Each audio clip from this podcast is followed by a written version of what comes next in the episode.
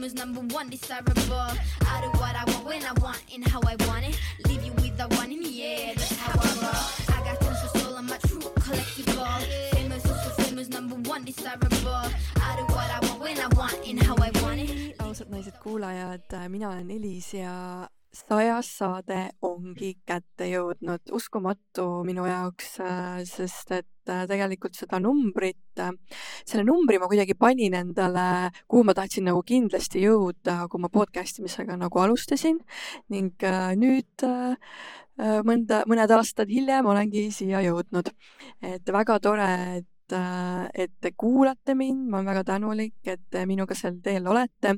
see viibki mind sellisesse nagu alguspunkti, miks ma selles, selle podcast'iga nagu üldse alustasin.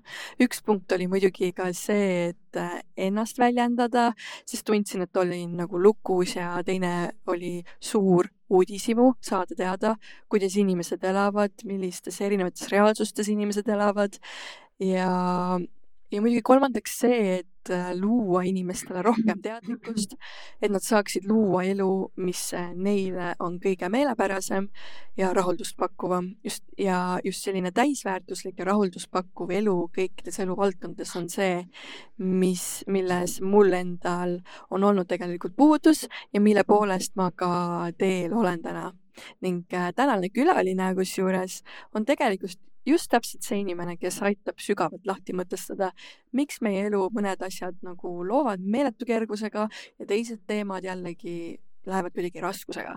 nii et tere, Eeva Lepik!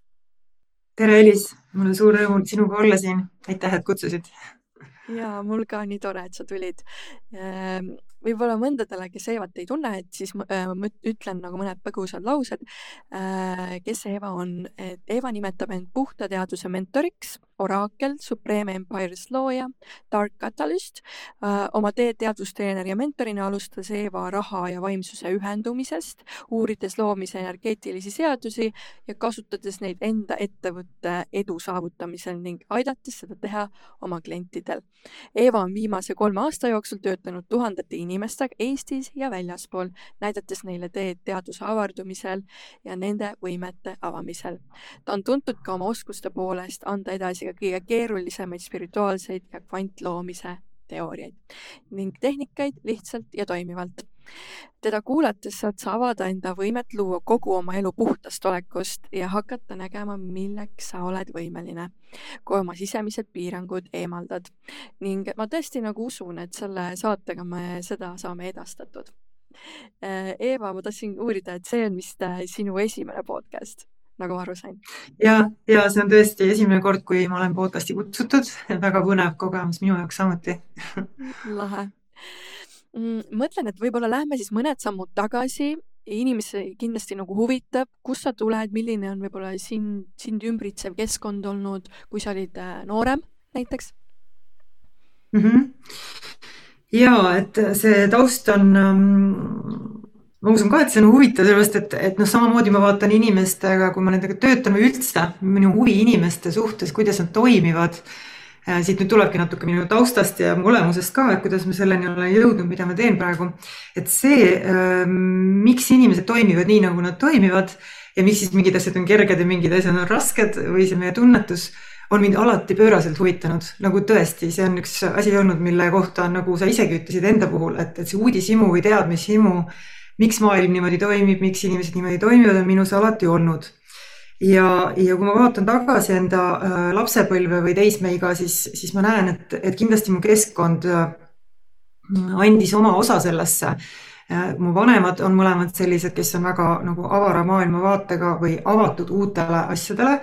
Ja, ja noh, muidugi me teatud arusaamise järgi ju valime endale oma vanemad, eks see on nüüd täiesti eraldi teema, aga noh, fakt on see, et, et ma ju ei tea, kes ma oleksin, kui ma oleksin mingis teises keskkonnas üles kasvanud ja, ja selline äh, tohutu huvi selle vastu, mis asi see universum on, miks me üldse siin oleme, need suured-suured küsimused, kes me oleme äh,, mis asi on lõpmatus, mida see üldse tähendab ja nii edasi, on väga varasest east nagu tõesti enne kui ma olin kümme äh,, ma arvan algklassides, kui mitte varem juba ma oma isaga neid asju arutasin näiteks ja siis ma olin väiksena nagu svamm sõna otseses mõttes, et ma tõmbasin endasse neid teadmisi nagu spamm sisse ilma igasuguse hirmuta, mis mõnikord nagu noh, ma sain vahel väljastpoolt erinevatest kohtadest selliseid signaale, mida võib-olla, mis võib-olla mõne kuulaja jaoks ka tundub tuttav, et, et noh, sellistest suurtest asjadest öeldakse mõnikord ei ole nagu vaja liiga palju mõelda.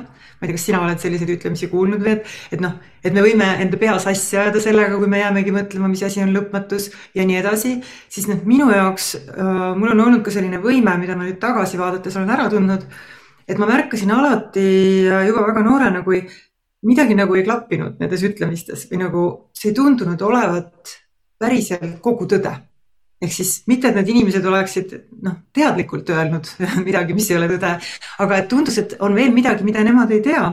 ja mul puudus selle koha peal igasugune hirm, et ma võisin vahtida sinna täht täis taevasse ja mõelda, kus see lõpmatus siis asub ja milline see välja näeb ja minul ei tekkinud nagu tunnet, et see ajab mu pea sassi, vaid vastupidi.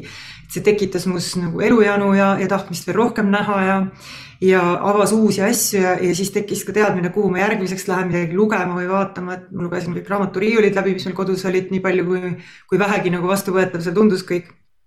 kõik, mis oli vastuvõetav, siis seda ma lugesin ja nagu ilma mingeid piire võib-olla panemata. Ja, ja ma arvan, et see mitmekülgsus ja hästi paljude erinevate teemade vastu huvi on toonud mind siia, kus ma täna olen, et see on lihtsalt mu olemus. ja mul on äh, ülimalt huvitav, eks me läheme sinna, mis on meie jaoks huvitav, siis me ei kasuta mitte mingisugust jõudu aga äh, minu jaoks on olnud huvitav näha neid seoseid või siis neid seoseid lahti muukida, et kas need peavad seotud olema või me saame need ümber seostada, mis siis juhtub, kui me seda teeme ja nii edasi, eks. sest et, et inimühiskond on ju tegelikult üles ehitatud väga palju nagu arusaamistest, kuidas asjad käivad. ja noh, siin tulebki see, millest me täna ka rääkima hakkame edaspidi, et et see on üks esimene takistus, et inimesed usuvad, et äh, noh, miski asi peab olema kindlasti nii ja teisiti ei saa olla. Ja siis jäävad selle süsteemi sisse nagu kinni. lihtsalt nende taju reaalsusest on see, see on esimene asi, kus, kus äh, potentsiaali avamine on siis äh, kas suletud või noh, alla surutud, eks ole, või siis avatud, kui ta otsustab, et aga võib-olla see ei peagi niimoodi olema. Et võib-olla mu arusaamine maailmast võib muutuda ja iseendast. Ja siis on see samaväärne sellega, et uks läheb pärani lahti ja sealt saab läbi astuda. Et siis me avame nagu ukse järgmisesse reaalsusesse või avaramasse elusse, tegelikult on, on kõik see, millest ma räägin ja mida ma oma klientidele edasi annan ja ise uurin ja see on kõik see, mida ma olen enda eluga teinud. ja selle mõte on, et, et me saame elada avaramat elu, et me ei tunne, et me elu kuidagi on piiratud või noh, mis tahes valdkonnas, sest tegelikult me oleme mõeldud olema sügavalt õnnelikud ja rahulolevad oma eluga. aga see ei tähenda, et me ei, ei muutu või muuda seda rahulolu ja muutus saavad olla korraga samaaegselt. see on nagu, kõlab nagu paradoks võib-olla kellegi jaoks, aga tegelikult on see täiesti võimalik ja no see on täpselt seesama, mille peale ma olen ka mõelnud, et et noh, küsitakse ka see küsimus, et mida sa siis päriselt tahad teha, kui sul on nagu äh,, kui sa oled juba olnud mingi sellel palmisaarel juba kaks kuud ja, ja siis äh, sul tekib nagu igavus, on ju, et äh, siis sa tahad nagu mingit challenge'it või mingit muutust vaata oma ellu, et äh, et kuidagi mm, -hmm. et sa ei jää, noh, et sul hakkab lõpuks igav, kui on nagu kõik on kogu aeg hästi, vaata no see ei ole nüüd äh, minu, minu arusaamist selle põhjal, mida ma kogenud ja näinud olen, päriselt tõsi, et igavus on tegelikult üks varju avaldumise viis, aga ma saan aru, mida sa mõtled sellega. et äh, noh, meil ei saa tegelikult olla kunagi igav, kui me näeme äh, seda, kui, kui imeline on kõik, mis, mis üldse eksisteerib siis kuidas saab olla sellises olekus igav? noh, kui me vaatame näiteks lapsi, siis nemad ei ole veel nii äh, nagu maise teadvusega äh, samastunud. Ehk nad on palju avar, avarama teadvusega kui täiskasvanud, sest see pole neil veel lukku läinud nii-öelda, eks neil pole nii palju neid lugussüsteeme seal või neid arusaami, mis piiravad seda, mis on võimalik. Ja nad on nagu vähem une, une äh,, unne vajunud olekus kui täiskasvanud. täiskasvanud on nagu natuke nagu uinunud olekus oma võimete koha pealt. Ja, ja siis me tegeleme siin ärkamisega, eks, et hakata mäletama, kes me tegelikult oleme ja siis muutub kõik väga, väga imeliselt lihtsaks. Ja see on päriselt nii. et, kerin tagasi, kus see mõtte algus oli, et ähm, saad sa mulle meelde tuletada? muutus, oli... muutustest rääkisime, et, et ka heas kohas Muutust. võib nagu muutused olla. just nagu... ja see igavuse, igavus oli see, eks ole, mida ma tahtsin just siin välja tuua, et kui me vaatame lapsi, siis neil ei ole tegelikult peaaegu kunagi igav. et see ei ole nagu võimalik, sellepärast et nende fantaasia on piiritu ja nad lihtsalt lasevad sellel lennata ja nad ei pane endale pidureid, et oo, mm, mis mõte sellel on. et loomisel ei ei pea olema tegelikult otsest eesmärki, see on üks asi, mis on võib-olla uus mõnele kuulajale ka. ja me oleme tegelikult ju inimühiskonnana nüüd väga pikka aega toimetanud sellises, äh, noh sellises arusaamises, äh, et meil peaks olema, kõik peaks olema nagu kasulik millegi jaoks, kas sa oled, tunned selles ära sellist nagu põhitõde või, või inimesed otsivad, okei okay,, aga mis kasu sellest on või siis võib esitada endale selle küsimuse, et jälle lukustada siin lahti enda teadvust, et mis kasu on universumist. mis kasu sellest on et kas iga meie liigutus peab ja me oleme ju universumiga üks, et äh, noh, kas me tahame või ei, me ei saa ennast siit eemaldada, eks seega noh, neid asju saab nagu testida. kõige lihtsam viis aru saada, et kas miski on, on lihtsalt uskumus või on see mingi, mingi jumalik tõde, kõrgem tõde on proovida seda nagu äh, puruks teha või testida, kas seda saab, kas seda saab tõestada. ja, ja noh, tegelikult on näha, et äh, siis inimene näeb, kui ta on avatud meelega, eks, kui ta ei otsi nagu trotsist, et ma tahan tõestada vastupidist, vaid tõesti avatud meelega, siis ta näeb, et seda kõrgemat tõde ei ole võimalik äh, katki teha. et selle, noh, see, see kestab, see peab igasugusele proovile vastu, aga uskumused, mis on maise teaduse noh, piiratud, piiratud viis midagi näha see tundub meile väga tõene olevat, kuni me ei näe läbi, et see on lihtsalt üks asi, mille ma olen omaks võtnud kuskilt, pole vahet kust. ja need ei pea sellele proovile vastu, kui me küsimuse alla seame, kui me tõsiselt hakkame neid nagu testima. ja siis on väga lihtne näha, et okei okay,, see, see ei peagi olema tõde, et võib-olla saab kuidagi teisiti ka asju teha ja võib-olla see kõik on mõeldud olema oluliselt lihtsam võib-olla kannatused on illusioon ja nii edasi, noh, mis nad tegelikult ongi. eks see nüüd sõltub sellest, et kus inimene parasjagu on. Äh, ja siin ei ole mitte mingisuguse võistlusega kunagi tegemist, ka mitte iseendaga võistlemisega, mis on äärmiselt oluline. et äh, meil ei ole vaja kuskile joosta või tormata, et kuskile kindlasse punkti jõuda, sest seda tegelikult ei eksisteeri. vaid, vaid iga inimene, ükskõik, kas ta seda, kõik, absoluutselt kõik inimesed, kas ta, kas nad seda teavad või teadvustavad endale või mitte Nad tegelevad äh, kõrgema tõe, tõeni jõudmisega. ükskõik kui teadlik või mitteteadlik ta on, siin ei ole mingit vahet, see lihtsalt toimib nii, eks, et ükskõik, kas ta, kas ta on äh, ma ei tea, kolme lapse ema, kodune läbi oma elu, see on tema spirituaalse kasvamise tee, kui ta on selle valinud. või ta on suurettevõtja või ta on noh, mis iganes, eks ole, siin on lõputu arv võimalusi, millise elu keegi endale valib. kui see on see, millele ta on otsustanud pühendada ennast ja see on päriselt see, mida ta teha tahab siis ilma, et see oleks mingist ellujäämisprogrammist toimimine, siis see ongi tema spirituaalse kasvamise ärkamise tee. siin ei ole nagu mitte mingisugust vormi või mudelit, et see saab olla ainult ühesugune. ja, ja noh, see on üks olulisemaid asju minu meelest, et inimesed arvavad täpselt nii, nagu mina ise jõudsin selleni, mida ma praegu teen, et, et mul oli nagu lõhe elus. inimesed arvavad tihti, et, et see, mida nad teevad oma igapäevaelus ja spirituaalne kasv on kuidagi eraldatud üksteisest. et okei okay,, ma teen oma päevatööd paljud inimesed, kes minuni jõuavad ja mu klientideks saavad, on selles punktis, et nad nagu tunnevad, et nagu nende elu oleks nagu äh, noh, nagu kuskil need asjad ei, ei joondu või ei, või ei sobitu kokku või et ma pean tegelema ühe teise osaga eraldi või miks ma ei saa seda kõike koos teha, midagi taolist. ja ühel või teisel kujul nad tajuvad seda ja minul endal oli see algus samasugune, et ma tundsin, et noh, okei okay,, ma teen neid asju, mida nagu tuleb teha aga tegelikult ma tahaks teha nagu midagi muud ja siis ma tegingi oma vabast ajast midagi muud, eks ja noh, nüüd ma teen kogu aeg seda, mida ma päriselt tahan teha ja, ja see on kõige loomulikum asi, et, et noh, põhimõtteliselt, kas ma tahan või ei, see on lihtsalt see, kes ma olen. ja sellepärast see, mida ma teen, ei tundu üldse tööna. noh, muidugi me võime nagu sellest rääkida eraldi pikalt, eks, mis asi on üldse töö ja kuidas seda defineeritakse, aga seal on ka inimestel ümber hästi palju piiravaid uskumusi, et, et noh, töö ja mäng näiteks ei, ei tohi olla üks ja sama asi või miks? Eks kes ütleb, kes kirjutas sellise reegli ja mis juhtub, kui me selle küsimuse alla seame. et kui me hakkame väga nagu julgeid küsimusi esitama äh,, aga mitte siis noh, mässu tõstmiseks, mitte selleks, et nagu mingeid äh, mitte selleks, et nagu seaduste vastu mässata, et see, kui me neid reegleid küsimuse alla seame, ei tähenda kunagi seda, et me hakkame nagu mässama millegi vastu, mis on tegelikult lihtsalt sama süsteemi toitmine, vaid me seame küsimuse alla enda tunnetuse maailmast ja siis lähevad need väravad lahti, kust, kust me näeme, et ma olen tegelikult hoopis suurem olend, kui ma arvasin, et ma olen ja ma olen võimeline palju enamaks, kui ma arvasin, et ma olen ja, ja siis tunnevad inimesed väga väga täiesti uuelaadset sügavat õnnetunnet, mis on noh, mitte selline, et kogu aeg tohutu elevus oleks, aga selline rahulolev õnnetunne.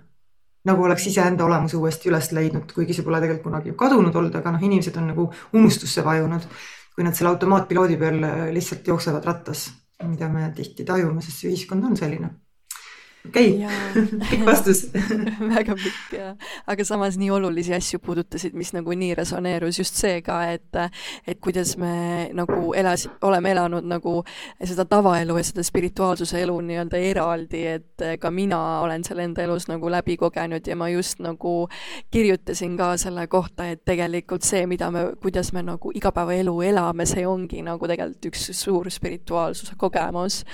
et et, äh, et ei ole nagu kuidagi eraldiseisev miski, et et kuidagi varem sai nagu tõesti seda arvatud või et, et see justkui, kui ma käin kuskil ära või käin tegemas neid asju, et siis ma mm, jõuan kuhugile või olen kellega kuidagi seotud kõigiga või nagu, see oli nagu niisugune egotripp, mulle tundus äh, mhm. pigem mm -hmm. ja, ja siis äh,. ja väga täpselt öeldud mm. -hmm. Äh, et jah, äh, see on väga huvitav, aga mind huvitab ka see, et need, ähm, kõik see, mis sa rääkisid, et kus see info on siis sinuni nüüd jõudnud ja mida sa võib-olla siis eelnevalt oled teinud, et see info sai sinuni jõuda mm. -hmm.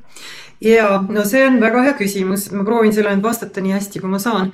et, et noh, see on üldse nagu suur küsimus, et kust tulevad, mul on paar korda mõni inimene küsinud, et kust pärinevad need teadmised. et siis peaks äh, nagu kõigepealt defineerima, et mis asjad on need teadmised, eks. Et sama hästi noh, võib küsida kelle tahes käest, kust sa tead kõike, mida sa tead? Seda ei ole võimalik tegelikult äh, nagu näppu sellele peale panna, sest sellest päevast, kui me siia maailma sünnime, noh, see on nagu fakt, mida me kindlasti teame, eks ole, üldtunnustatud. Me hakkame ju infot endasse äh, noh, süsteemi panema. et sünnist saadik on see vastus, aga ma saan aru, mis sa mõtled ja, ja ma räägin natuke siin sellest, et äh, nagu loogiliselt oleks ka asjad arusaadavad. Lisaks nendele su suurtele mõistetele ja nii edasi, mis, mis avavad ka teadust kõigil, et äh, ma olen teinud elu jooksul väga palju erinevaid asju, sellepärast et äh, mul on see mm, omadus et kui mind miski huvitab, siis ma nagu pühendun täiega sellesse. mitte sellepärast, et sellel oleks tingimata eesmärki, pole üldse olnud mingit konkreetset eesmärki tihti, vaid lihtsalt see on mind tohutult huvitanud ja siis ma nagu ammutan endasse kõik ja, ja niikaua, kuni siis tuleb mingi järgmine asi. Ja ma olen äh, tegelenud ähm, rõivaste, rõivaste kujundamise, disainimise, tootmisega, väiketootmisega, et mul on olnud mitu äh, erinevat äh, väikest-väikest ettevõtet, mille ma olen ise algatanud või siis koos koos mõne partneriga ja, nagu varasemas elus. Ja siis ma olen ka väga paljudel erinevatel töökohtadel töötanud nagu üheksast viieni ka kindlasti ja, ja siis ma olen äh, tegelenud pikalt enne seda, kui nüüd ma siis kolm aastat tagasi pluss veidi rohkem nüüd juba pühendusin täielikult ainult sellele asjale, mida ma praegu teen, ehk noh, lähim sõna on teadustreener, aga tegelikult on siis äh, äh inimeste võimete avamine täpsemalt, millega ma nüüd konkreetselt tegelen, siis äh, siis enne seda ma olin pikka aega äh, visuaalefektide looja videole, filmile. Ja ma olin sellesse ka sukeldunud täielikult ja ma olin selles väga hea, väga nautisin seda tööd, äh, lõin äh, After Effectsi projekte teistele loojatele, et nemad saaksid enda loomisvõimet nagu mm, väljendada kergemalt, ilma et ma peaks nullist alustama ja nii edasi. et kui ma vaatan tagasi kõikidele nendele asjadele, mis ma teinud olen, et see on tegelikult samamoodi kõikidel inimestel, kui me nende võimeid avame, nende seda viiendat elementi, ma nimetan seda niimoodi, et see teadmine on minusse lihtsalt maandunud, see ei ole kuskilt nagu võetud, eks või keegi pole mulle seda öelnud, vaid see on minusse endasse tulnud, siis, mm, siis see on samamoodi kõikidel inimestel, et kui nad leiavad üles selle avastavad enda jaoks, sest see on tegelikult seal kogu aeg olemas ja otsib väljapääsu. selle enda viienda elemendi, mis on nende jaoks kõige loomulikum asi, aga ülimalt võimas, kui nad seda, noh loomise jaoks võimas, kui nad seda kasutama hakkavad, siis nad näevad oma elule tagasi vaadates seda nagu üritamas pinnale tulla või läbi jooksmas sageli kõikidest oma tegemistest. sa mõtled kaasa ma mõtlen kaasa ja. ja, ja et, et noh, et kui võtta selleks natuke aega ja vaadata selle pilguga, et noh, võib otsida, eks ole aga olla samas avatud, et noh, mis siis isegi kui ma ei näe, siis ühel hetkel inimesed hakkavad seda nägema, et ah, see on nagu kogu aeg seal kuskil olnud. ja minul oli see alati siis, siis see, et, et kuidas, kui ma otsisin ka mingit järgmist tegevusala siin mingi aeg, kui ma otsustasin, nii nüüd ma hakkan nagu vabalt raha looma, siis ma, see ei olnud esimene asi, mida ma, mida ma leidsin, mida ma praegu teen, et mul oli mitu varianti siin mingisugused väeehted ja mingid, mingid orgaaniline kosmeetika ja mingid sellised asjad, mida ma tahtsin ise siis tootma hakata ja, ja ma pühendusin ka nagu nende tundmaõppimisele, kas see siis on ja uurisin seaduseid ja kuidas, noh, mul oli äriplaan ja kõik asjad valmis, eks ole, mingiteks asjadeks.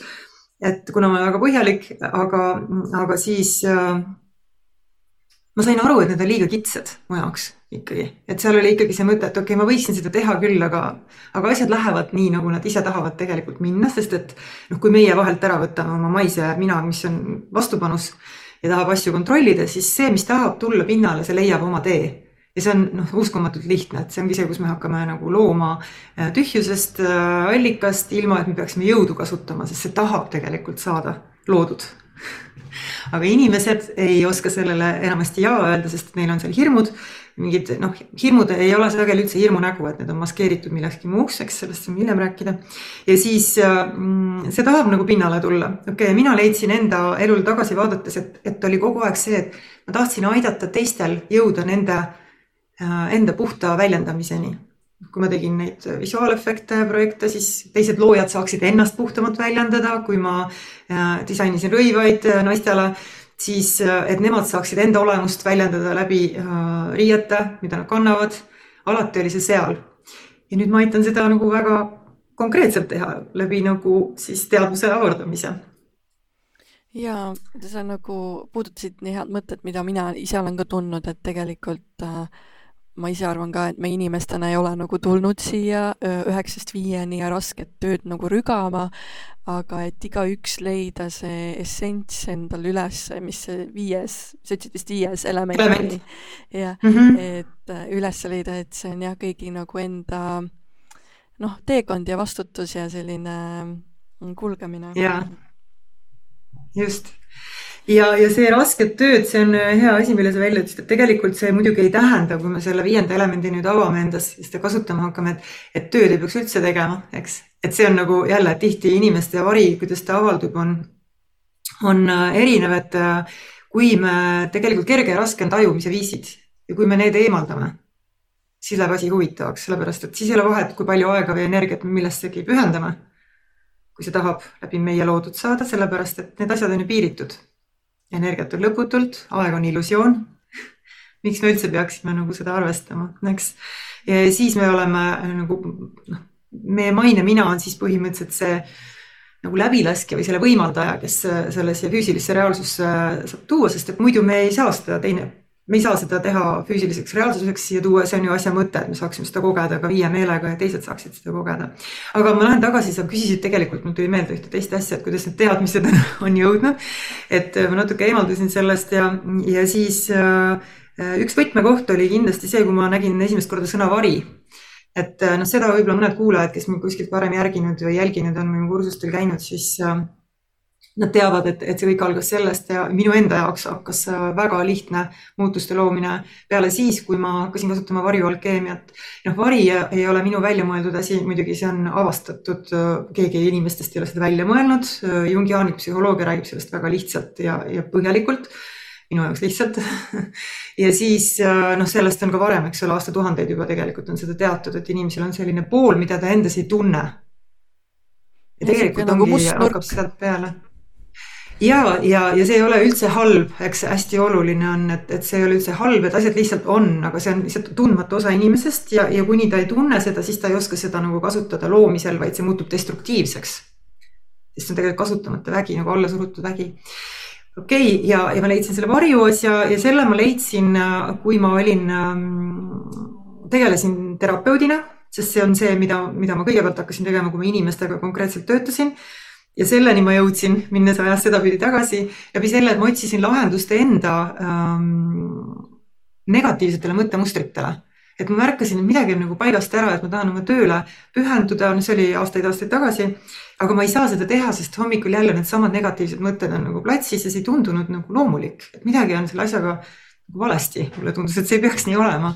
ja, ja selle asemel, et noh, mingit, mingist tabletist abi otsida, sest noh, ma ei, ma lihtsalt teadsin kohe, et see peaks nii olema, et see peaks olema kuidagi teisiti ja selleks on mingi loomulik viis, kuidas seda muuta. ja kui ma seda otsisin, siis ma leidsin sellise tehnika nagu meta-EFT, mida ma olin kord varem juba kogenud, kui ma vabanesin äh, ühe tunni jooksul väga ühe korraga oma, oma ämblikufoobiast, üldse mitte tegeledes sellega. ja, ja kui ma nüüd sukeldusin sellesse, ehk siis alati minnes mööda seda, mis nagu mind kutsus ütles, okei okay,, siin on midagi, see tunne, siin on midagi, siis ma sukeldusin sellesse täielikult ja sealt avanes järgmine, siis siin on midagi ja nii edasi. ja niimoodi liikudes äh, noh, jõudsingi ma selleni, mida ma praegu teen, mis on siis tegelikult ju, et kõik inimese loomine ja olek, tema füüsiline reaalsus saab alguse sellest, mida ta võngub, mis toimub tema energias, teadvuses, noh lihtsate sõnadega öeldes seda. mitte ei saa see alguse sellest, mis on tema, teda ümbritsevad elutingimused. enamasti inimesed ikkagi usuvad kasvõi mingi poole kohaga seda, et aga, aga see ju määrab, aga see ei määra. sellepärast, et, et me oleme üks teadvus ja ja teadusest saab energia, energiast mateeria, mitte teistpidi. ja mind huvitab ka, mida tähendab sinu jaoks oraakel või siis see dark catalyst, nagu sa ennast nimetad mm? -hmm no esimest korda, kui see sõna mulle tuli, et oraakel, siis äh, päris ausalt ütlen, et see oli väga ebamugav mu maise mina jaoks sellega välja tulla, et, et oh, mida inimesed arvavad ja kes sa arvad, et sa oled ja nii edasi. aga noh, kuidas, äh, kuidas mis tahes inimene seda sõna tajub, äh, kuidas mina ennast nimetan, see on tõesti lihtsalt see, eks ole, mis nagu annab oma sagedusega see sõna edasi seda, mida ma teen. mitte tingimata seda, kes ma olen, sest ma olen lihtsalt puhas teadus. Siis äh, see, kuidas keegi seda tajub, mul ei ole selle üle mingit kontrolli, et kõikidel inimestel on oma ja ei peagi olema, eks kõigil inimestel on oma süsteem, kuhu ta selle paneb, kellele meeldib, kellele ei meeldi, kõik see pole oluline. Et, mm, et ise valivad, eks, et selles mõttes see ei muuda seda, mida mina teen. aga ma lihtsalt näen asju, äh, mis saavad olema. kõige lihtsam on seda nii öelda. Ja, ja vahel on need mingid nagu suuremad trendid või kuhu poole maailm liigub ja ma näen võimalusi seal, kus mõnikord teised neid ei näe. Neid asju, mis on nagu tunduvad, et ah, seal ei ole ju seda võimalust, aga mina näen, et see on siinsamas. Ja siis äh, ma aitan teistel inimestel neid näha nende endi elus. Ja siis nad saavad teha valiku, eks mina ei ütle kunagi inimesele, mida ta tegema peaks, ta otsustab seda ise, aga ma ütlen, et noh, ma näitan talle nagu tema potentsiaali, aga ka üldises mõttes neid asju. ja siis äh, see dark catalyst, mida see tähendab? Äh, noh, ma töötan inglise keeles ja sellepärast, kuna sõnad on ka võnked, siis inglise keeles on see täpsem Dark äh, on pimedusteadusest ehk siis puhas teadus, pimedusteadus, kehateadus on kõik üks sama asi, aga see kata-, katalüst on eesti keeles katalüsaator. ja selle saab väga lihtsalt lahti seletada, et mu olemus, mu kohalolek või mu energia on selline, et ka siis, kui ma inimesega ei tööta, on see täiesti tavaline, et alguses ma hakkasingi märkama neid asju, mis toimusid, et okei okay,, siin on midagi huvitavat, kordused, et kui inimene, noh, ma sattusin temaga ühte füüsilisse ruumi kõige lihtsamad äh, kokkusaamised nagu ettekandjad, kelnerid restoranis, eks ole, sööd või söögikohas, taksojuhid, juuksurid, äh, kõik noh, inimesed, kellega põgusalt kokku satud, siis, siis neis avanes midagi ilma, et ma oleksin sõnagi öelnud. ja, ja katalüsaator on ju keemias selline aine, mis kiirendab ja võimendab mingit protsessi ilma sellele midagi lisamata nüüd, kui ma selle enda energia äh, toime selle selliselt lahti seletan, siis siis kui ma olen kohal, siis äh, inimeses saavad toimuda need protsessid, mis temast nagunii toimuksid, ehk millele ta on ise juba jah öelnud. näiteks ta tahab avada oma teadvust, saada teadlikuks oma võimetest, näha läbi mingist hirmust. Need saavad öö, äh, toimuda ülikiiresti ja vähema energiaga. See on ju hea asi, eks. Mm. katalüsaator. Äh, kust sa tead, et, et need inimesed, nendes midagi muutus, nad ise jagasid sulle siis? no jaa, ma hakkasin saama sellist tagasisidet. Ja, ja noh, kui võivõõrad inimesed räägivad sulle oma südame sügavaimad soovid, ilma et, et ma oleksin temaga rohkem kui tere nagu talle tere öelnud, eks ole. pluss siis ma nägin, et nad saavad neid taipamisi, millest nad nagu ka ise ei olnud teadlikudki, mis neis toimuvad ja no ma uurisin seda teemat, et mis toimub. et see info nüüd tuli noh, minu enda äh, jälgimiste ja järelduste põhjal, pluss ma saan pidevalt kinnitust selle kohta, ilma et mul oleks vaja seda kinnitust, sest ma näen, et need asjad toimuvad. Ja siis ka, kui ma töötasin oma klientidega, siis ma arvasin, et see on sageli nüüd üks asi, mida inimesed ei, ei tea oma võimete kohta, et, et see, milles nad on ülihead ehk nende viies element, nad peavad seda nii loomulikuks enda puhul, et nad ei oska seda väärtustada. et nad ei tea, et see ongi nende ülivõime noh, ka minu puhul, sest see oli selline, kuidas ma olin kogu aeg toiminud, see lihtsalt võimendus, kui ma hakkasin endaga tööd tegema. inimesed vaatavad sellest mööda nagu, et aga see pole ju midagi, aga ma teen seda ju kogu aeg, ma lihtsalt olen, ma ju ei teegi midagi ja nii edasi. ja sisuliselt ma ju ei teegi midagi, kuigi ma teen tööd, aga ma ju ei teegi midagi. ma lihtsalt olen mina ja asjad juhtuvad. et, et noh, asja mõte on nüüd see, et, et, et mitte mingist, see ei tähenda mingit üleolekut, eks ole, aga mitte mingit alaolekut, sest need asjad on illusioonid, vaid et see toimub iga inimesega, kes oma võimed avab et ta lihtsalt on. ja see on kõige loomulikum asi, mis siis toimub. ja Aga siis on ongi unikaal. nagu, siis ongi see loomine nagu kergem ja tuleb nagu just, puhtast ja. nagu loo-, loomulikust kohast nagu. et ja, sa ei pea just, nii palju ja. äh, rassima ja pingutama, nagu meie siin selles teadvuse ruumis oleme harjunud, vaata jah, et, et noh, see ei tähenda, eks ole, et, et me ei teeks füüsilist tööd või midagi, sellepärast et kui me selle omaks võtame, siis see viib meid sellele teekonnale, äh, noh, mis on ka teatud mõttes illusioon, kus me hakkame omandama uusi oskuseid ja kuidas ettevõtet juhtida ja ma olen väga palju uusi oskusi omandanud nende kolme aastaga, mis on nagu kõik vajalikud, kui ma tahan oma ettevõtet arendada. aga see kõik, noh saab alguse sellest, kes ma olen, mitte sellest, mida ma, kes ma arvan, et noh, kollektiiv, ühiskond peab vajalikuks, kes ma võiksin olla ja nii edasi, eks. mis ei oleks siis nagu puhas mina. ja okay, kas ma vastasin? jaa, sa vastasid küll, et ähm, äh, see äh, sinu ettevõte, no sa rääkisid juba, kuidas ta nagu tasapisi nii-öelda looma hakkas, aga võib-olla ava seda siis, et mis informatsiooni äh, see Supreme Empires endast nagu kannab mm.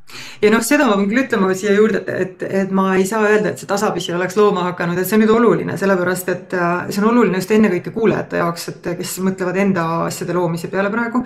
Et sellel, ma mäletan seda täiesti selgelt ja mul on märked ja kõik asjad selle kohta ka tehtud, et kui ma tegin otsuse, et äh, noh, kust see alguse sai, selle ettevõtte loomine ja et ma pühendun täielikult sellele, oli, et mul oli väga kaootiline rahamuster, mis tähendab, mis see tähendab, kordus, eks, et muster on kordus sisuliselt, et ma ei suutnud ükskõik, mida ma proovisin siis füüsilist reaalsust tundes ja, ja sellele toetudes teha.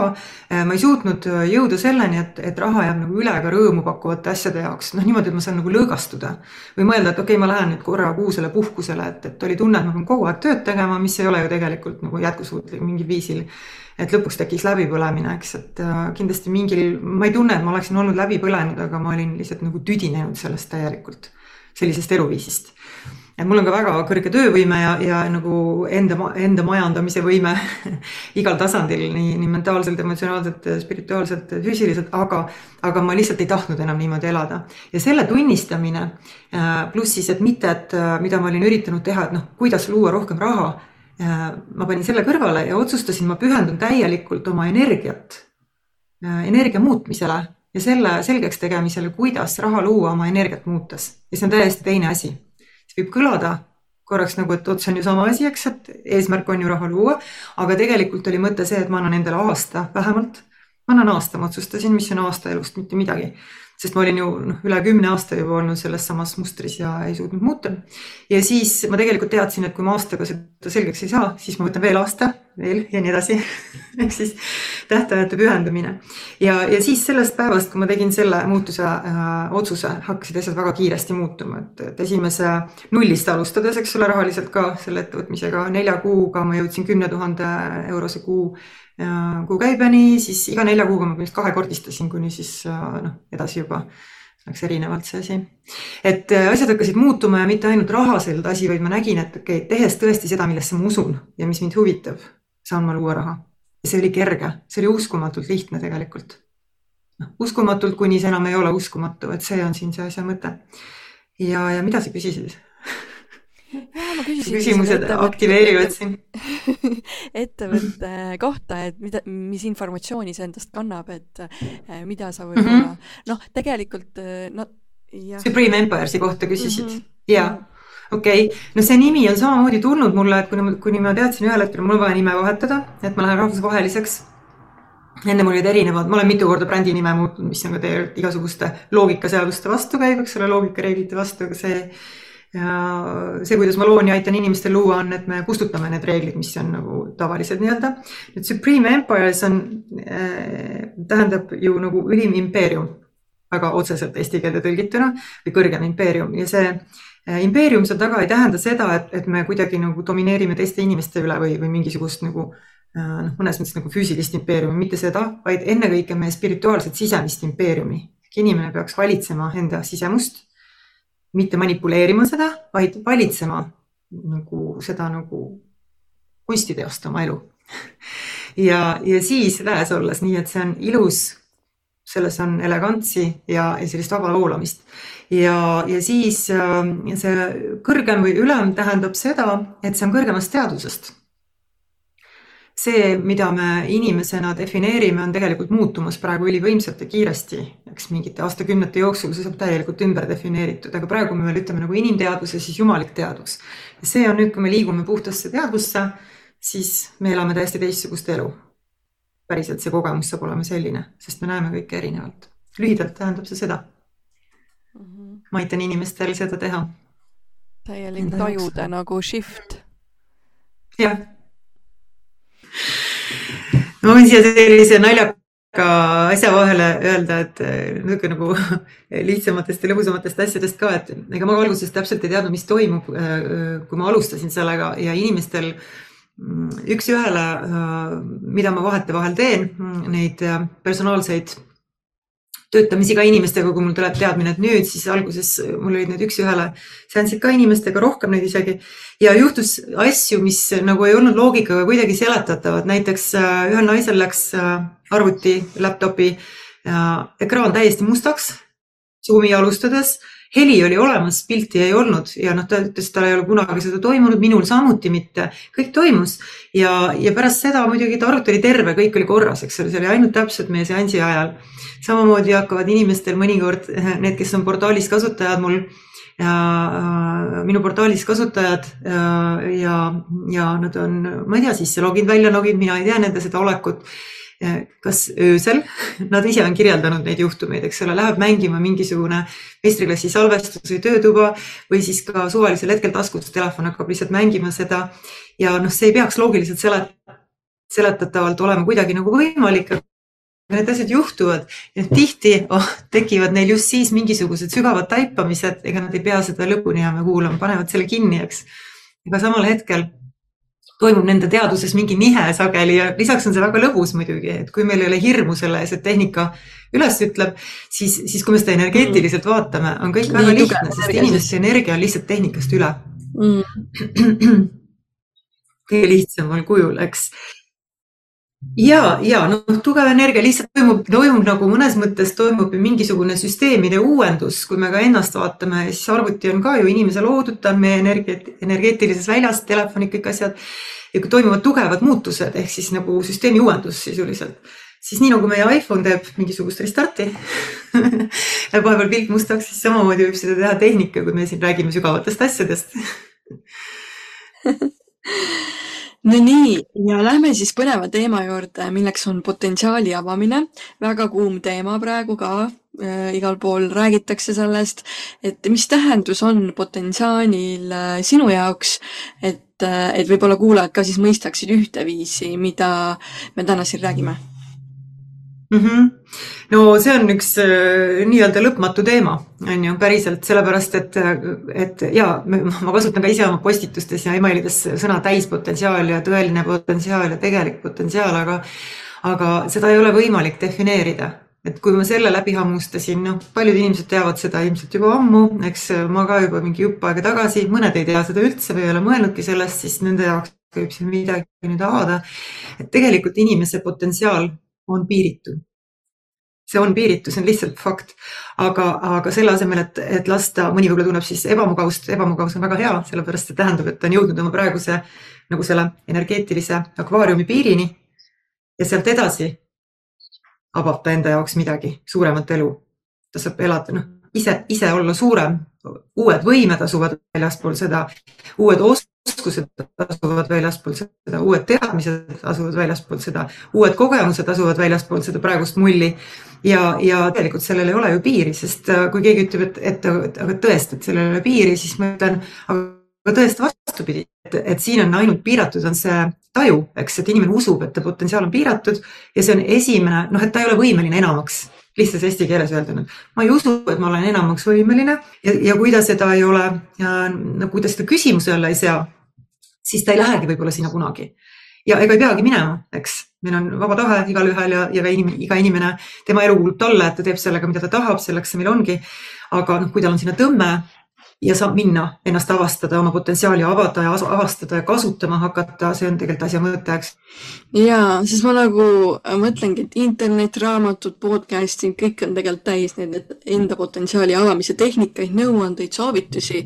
aga mis sinu arvates hoiab siis kõige enam neid inimesi tagasi nagu potentsiaali avamast? No just see asi, mida ma praegu ütlesin, et see võib minna nagu läbi, võib läbi varjuarhetüüpide seda vaadata, mis on lihtsalt nagu energeetilised takistused pandud sõnadesse. Äh, kui inimene on näinud varjuarhetüüpe, kui ei ole, siis, siis lisaks sellele, et neid saab mujal vaadata, eks need neli on minu lehel tasuta sisus ka välja toodud.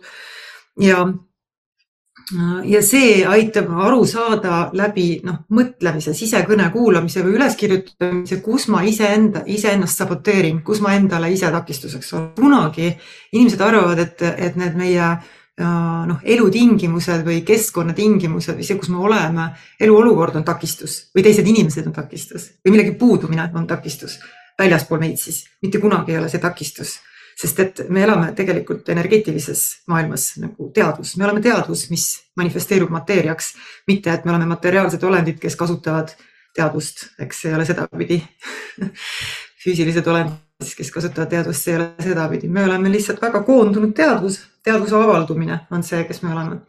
ja, ja see tähendab, et kõike on võimalik muuta. tegelikult ei ole sellel piire, et me oleme inimkonnana siin seda lahti lukustamas, et kuidas enda täispotentsiaali kasutada, kuidas enda järgmist osa enda potentsiaalist avada. et kui sa küsisid, et mis on siis need peamised takistused, siis esimene on see, et inimene ütleb, et aga enamat ei ole võimalik. ma ei usu, et see on võimalik. ja miks ta peaks siis üldse otsima teed nagu selle avastamiseks, kuidas see oleks võimalik, kui ta on otsustanud, et see ei ole võimalik. see on põhimõtteliselt, ma sulgen silmad, eks sellele, et midagi enamat on ja see on siis see, et ma jään rahule sellega, mis on praegu ja nüüd siin ei tähenda, et inimene ei jõudma või noh, et, et, et sügav rahulolu eluga ei olekski nagu absoluutselt loomulik, tegelikult see on loomulik, et me ärkame hommikul üles rõõmsana ja rahulolevana. paljud inimesed ei tea seda, et see on nagu absoluutne baas ja kui see ei ole, siis me teeme oma elus midagi nagu valesti, selles mõttes, et me oleme kuskil iseenda takistuseks, eks enda õnne takistuseks. aga rahule jäämine endale valetades ja ma ise petsin ennast päris mitu aastat sellega, noh, endale seda teadvustamata, eks ole, see ongi varjatud, sellepärast see nimi ongi, ongi vari. et me valetame iseendale, endale seda teadvustamata, endale nägemata, et me valetame endale. paljud igasugused valgus spirituaalsed õpetused, mis on ju, mis on massiliselt kättesaadav, inimene võib omamata igasugust üldse mingit raha, eks ole, tasuta internetis, raamatukogudes, igal pool on kõik kohad seal täis, kui ta on valmis endaga tööd tegema, siis selleks ei ole raha vaja, ta peab lihtsalt olema huviline ja pühendumusega seda tegema ja, ja noh, raha olemasolek annab võimalused võtta keegi, kes oskab seda väga hästi teha ja töötab personaalselt intensiivsemalt, lihtsalt nii. nüüd, kui äh, inimene otsustab, et ta tahab äh, midagi endaga teha, nii, nüüd mul kadus mõte ära siin, siis ta äh, esiteks peab otsustama, et, et ja see on nagu mitte mentaalselt otsustama, vaid kehas päriselt peab see tõde olema, ta iga ihurakuga, et okei okay,, ma vaatan siis, milleks ma võimeline olen. Pühendan oma elu sellele. Või kasvõi pühendan aasta sellele. mul oli siis hästi mittetoimiv rahamuster, tähendab seda, et mu raha loomine oli selline, see, kuidas ma raha suutsin teha, teenida, saada erinevate töödega, oli nagu kannatusi põhjustav. mul oli tunne, et mul ei ole mingit kontrolli selle üle, niipea kui suutsin rohkem äh, raha sisse tuua, siis tekkisid mingid ootamatud kulud, kus oli midagi päästa vaja, eks. ja oli selline tunne, et ma ei saa üldse võtta nagu aega töötamiseks, sellepärast et siis juhtub mingi katastroof. noh, raha saab otsa ja sealt ma siis hakkasingi otsima, et noh, siin see ei ole nagu loogiline, et arvestades, et milleks ma võimeline olen.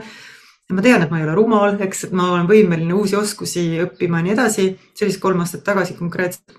natuke rohkem. ma otsustasin, et äh, ma pühendun mitte sellele, et luua rohkem raha, mida ma olin ju aastaid üritanud teha, sellele, et äh, ma teen endale selgeks ja omandan oskuse oma energiat muutes luua rohkem raha. ehk ma pühendun selle avastamisele, kuidas oma energiat muutes saab muutusi luua ehk siis selle selgeks saamisele, protsessile, mitte nagu tulemusele. ja see oli tegelikult võti, et niikaua kui inimene üritab tulemust luua, aga, aga ei pühenda ennast selle protsessi omandamisele, siis on see tee on lihtsalt pikem. võib õnnestuda, enamasti õnnestub mingis, mingis mastaabis, aga see on pikem ja ma andsin endale piiritult aega, ütlesin, ma annan endale aasta ja tegelikult ma teadsin juba, et kui aastaga midagi ei muutu, siis ma annan veel ühe aasta, veel ühe aasta ja nii edasi et see tähendab, et noh, selle koha peal peab inimene endalt küsima, et kui väga ma tahan tegelikult elada suuremat elu. mida iganes see suurem elu kellegi jaoks tähendab, et mõne jaoks tähendab see, et ta saab olla õnnelik kolme lapse ema, eks. Teise jaoks see, et ta kasvatab ise oma tomateid ja toitu, kolmanda jaoks see, et ta elab välismaal, neljandaks see, et ta teeb mingi ettevõtte, noh, see on igaühe enda edu definitsioon on erinev. ja sealt algab kõik, et ta otsustab, et ma tahan seda, aga mitte meeleheitest, vaid et ma tahan seda sellepärast, et see on tõde. ja paljud inimesed ei ole isegi seda sammu, eks ole, teinud, see on esimene. Jah, ma ise kuidagi tunnen, et ma olengi nagu hetkel sellel teekonnal, just selle protsessi sees. Ja siis sind ka kuulates olen teinud mingid jäigemad otsused ja ja, ja kuidagi, eks see on hirmutav ka. Ja just hiljuti ma nagu noh, mul on äh, ka siin erinevad nii-öelda äh, tulevad erinevad teemad sisse, kus ma pean siis mingi mõne kuu pärast omama päris suurt rahasummat. ja nüüd ongi, et kas ma lähen nüüd oma vana mustrit äh,, kuidas ma seda loo, loonud olen ras-, nagu raskuse energia pealt, või ma siis usaldan ja ma äh, olen nagu täpselt seda, nagu sa ütlesidki, et ma olen nagu võimeline, las ma näitan iseendale, milleks ma olen võimeline, et ma olen võimeline seda looma. et et on ja samas ma näen, et seal on muidugi hirm ja kui ma vaatan sellele hirmule otsa, siis äh, sealt tuleb nagu noh, sellised hirmud, et ei taha laenu võtta ja et laen häbistaks mind, häbitunne tuli sealt üles, millest ma olin üllatunud täitsa. Et.... väga hea ma ütlen alati väga hea, sellepärast et, et äh, noh, siin peab naerma, eks ju, paljusid teisi võib-olla ka. et inimesed arvavad, üks asi, mida emotsioonide kohta enamasti teatan, arvatakse, et need emotsioonid kuskilt tulevad meie sisse. noh, näiteks see, et, et see nii tore, et sa selle välja tõid, et, et häbi äh, selle eest, et ma võtan laenu okei okay,, miks peaks nagu tundma inimene häbi, eks, kui nagu mõistlikult või nagu loogiliselt, ratsionaalselt sellele otsa vaadata, siis sellel, kui seda nagu analüüsida, siis sellel ei ole loogilist põhjendust. me võime muidugi alati leida loogilise põhjenduse, et inimene võidma, võimene leidma loogilise põhjenduse kõige jaburamatele asjadele eks oma emotsioonidele, et see on nagu, et see vahet ei ole, kust me selle omaks oleme võtnud, et peaks laenu võtmise pärast häbi tundma. noh, enamus enamus edukaid ettevõtjaid on mingil perioodil oma elus laenu võtnud oma ettevõtte arendamiseks et, et äh, ma ütleks, et noh, kui on nagu mis tahes viisil rahaga majandamise suhtes mingi häbitunne, siis see on hea mudel või, või nagu sümbol mille tahes muu takistuse äh, näitamiseks, kuidas see toimib. see madala sagedusega emotsioon on su takistus, eks. nüüd äh, kujuta ette, et sul ei oleks seda häbitunnet, kujuta ette, et, et sa näeksid laenu võtmist kui lihtsalt ühte võimalust, mitte et sa pead seda tegema, aga et see oleks sul kandikul või laual nagu kõik teised võimalused et jah, see raha võib tulla ka kuskilt mujalt, sa ei tea, on ju, sest võimalikkus on piiritu. nüüd, kui, kui, mis siis, kui, kui see on kõige võimsam tee näiteks sinu järgmise ettevõtmise äh, arendamiseks, et sa võtadki selle laenu, sa maksad selle edukalt tagasi, kõik läheb, oletame näiteks praegu mängime mängu, et valatult, nii nagu maine mina tahab ette kujutab. ja sul ei ole ühtegi emotsionaalset takistust, mõtle, kui lihtne oleks siis liikuda okei okay?, ehk siis need emotsioonid, mille sa avastasid, väga hea, ütlesin sellepärast, et sa avastasid midagi enda kohta, eks. Need tulevadki meis esile, need emotsioonid on meis tegelikult kogu aeg, mis pinnale tulevad, on nagu kokku pakitud energia ja, ja need, need on mõeldud tulema pinnale. just nagu sul nüüd on toimunud ja nad on mõeldud tulema pinnale selleks, et sa saaksid sellest vabaks ja siis on sinus vähem takistust, et sa saaksid vabamalt liikuda mm,. midagi sellist ja, ja ma nagu tunnengi, et noh, et ma ei tohiks ka niimoodi teha, et aa, et see laenu võtmine on siis ainuke, mis, millele ma siis nii-öelda panustan. vaid pigem nagu, et jaa, et see on nagu üks võimalikkus ja ma pigem lähen ikka seal suunas, et ma näitan, milleks, milleks ma olen võimeline. et, et see ennekõike. et ma arvan, et niimoodi. jah, no näitad, näitad, näitad kellele, et et endale, eks ole, see on oluline, et mitte ja, teistele ja. kindlasti, et üks varjuavaldumise see, kui inimene tahab teistele näidata, milleks ta võimeline, see on ka tegelikult mm -hmm. nagu mitte ehe olek, on ju. ja, ja noh, ka seal on mingi ellujäämisprogramm all, et miks on vaja teistele näidata, ainult kui on uskumus, et mu ellujäämine sõltub sellest, kas teised näevad, kui edukas ma olen. nüüd noh, see, mida sa teed, on ju, see tegelikult see, mida ma inimestele ka edasi annan ja see loomise puhas viis kaasneb, selles on sees see asi, et me enne ei tee otsuseid, ma ei tee enne üldse otsuseid ja need, kes seda järgivad, ka ei tee. kui me oleme selle emotsiooni äh, endas lõpuni tundnud, sellepärast et äh, me ei tee seda emotsioonist äh, vabanemist, lõpuni tundmist, enda süsteemist selle kinni jäänud energia vabastamist mitte selleks, et me saaksime ette otsustatud valiku teha, sest et see ei ole asja mõte, eks, vaid et me näeksime puhast valikut ja see, et saab meie teadvusse tulla alles siis, kui meis ei ole seda emotsioonilaengut, ei plussi ega miinust mm,. Yeah. ehk siis pole üldse mõtet tulevikku minna. mõtle, kui lihtsaks see teeb elamise, et üldse me ei lähe tulevikku ennem kui okei okay,, nüüd ma olen puhas praegu igasugustest emotsionaalsetest laengutest ja siis on täiesti harukordne selgus inimeses, noh selgus mis ma tean täpselt, see on nagu kas see, see või see, ma tean, mul ei ole ühtegi kahtlust selle koha pealt. kõik kahtlused ja muud asjad tulevad tegelikult emotsionaalsetest laengutest. isegi kui see kõlab nagu mitteemotsionaalne jutt lihtsalt või sisekõne, siis alati seda nagu lahti muukides leiame kuskilt, see on lihtsalt väga hästi ära pakitud, kuskilt sealt mingi emotsiooni. ja, ja noh, see, kui, kui inimene on oma minevikust pärit näiteks lapsepõlvest, tavaline, kõige tavalisem asi, eks lapsepõlvest kinni jäänud emotsioonidest äh, juhitud, siis äh, noh, oletame, et, et tegu on näiteks mingi suurema ettevõtte tegevjuhiga, kellel on äh, mitusada inimest ettevõttes või miks mitte mitu tuhat. nüüd, kui ta teeb nendest emotsioonidest otsuseid, siis see ei ole ju tegelikult väga nagu puhas viis liikuda või noh, ta teeb mingitest vanadest kogemustest äh, nagu nende põhjal otsuseid. ei ole kõige võimsam sellepärast on see nii hea ja lihtne viis, need emotsioonid alati olevikus ära protsessida. ja mina rääkisin kunagi juttu, et emotsioonid on vajalikud, kasulikud, loovad, toitvad, äh, kuid äh, tegelikult ja äh, takistavad mõnikord ka meie nagu edasiminekut elus et ähm, aga siit ma tahtsin tegelikult uurida, et ähm, kas enda potentsiaali avamine on siis suuresti seotud mõnes mõttes rahasummaga, mida me nagu iganädalaselt võib-olla omame, et äh, kas saab mingis mõttes võrdusmärgi panna sinna või pigem mitte? no võrdusmärki küll ei saa panna, sellepärast et mõne inimese jaoks päriselt ei olegi raha elus üldse oluline. ja on inimesi, kes elavad ühiskonnast väljaspool ja nad on äh, väga nagu äh, jumalikus teadvuses ehk noh, puhtas olekus ja, ja neil ei ole vaja seda, nad nagu see on tõde, et neid ei huvita see üldse. ja, ja siin tuleb mängu see, et, et mis on see spirituaalne, spirituaalse kasvu tee, mille me nii-öelda noh, selleks eluks valinud endale oleme, sellest väga palju ei räägi, sest et sellest räägitakse mujal väga palju. et mitte nendesse lugudesse lugustuda jällegi, aga on ilmselge, et noh, nii nagu näiteks mina olen alati tundnud tõmmet ettevõtluse poole ja ma tahan ennast läbi selle teostada, siis see on minu kasvutee minu jaoks on loomulik see, et, et mu ettevõte kasvab äh,, areneb jah, selle üks osa on raha, sellepärast et kui mu ettevõttes ei liiguks raha, siis oleks see hobi. see on nagu väga lihtne definitsioon, eks, et ettevõttes raha liigub sisse-välja ja läbi selle. Ja kui ma tegelen millegagi, aga ei, sellega üldse tulu ei loo, siis see on ju hobi, siis on lihtsalt kulud, eks. Ja sellega ei ole ka midagi valesti, aga potentsiaali avamine ja raha sinna vahele võrdusmärki kindlasti ei saa panna, kuna raha on üks elemente, mis meie ühiskonnas on, on oluline, see on lihtsalt vahend, mitte eesmärk omaette need ärimentorid või ettevõtlusmentorid, mm, noh, see on üks, üks, üks nagu, kuidas ma seda ütlen, trend või mitte trend võib-olla, aga üks selline koolkond, mis iganes sõna seal kasutada, eks üks osa nendest. Ja ma olen ise ka selliste mentoritega töötanud, kes, kes väga, väga palju on aidanud mind edasi mingitest takistustest läbinägemisel. aga üks viis, mida nad õpetavad, on ka see, et, et tõsta muudkui rahalist eesmärki ja siis see nagu sütitab su selle loomistule.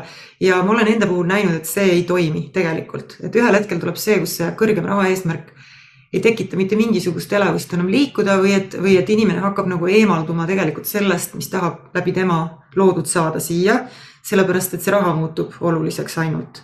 nüüd ma ei ütle, et raha ei ole nagu oluline, eks ta võib olla oluline, aga ta on nagu kõrval, kõrvaljoon, et äh, tegelikult me loome ikkagi loomise pärast ja raha on vahend. ja kui me, kui äh, seda on lihtne näha, näha läbi selle, et kui ma küsin inimeselt, et äh, okei okay,, kui, et mille jaoks sa seda raha tahad? miks sa tahad rohkem raha luua? ja mõnikord inimesed isegi ei tea, ma lihtsalt tahan.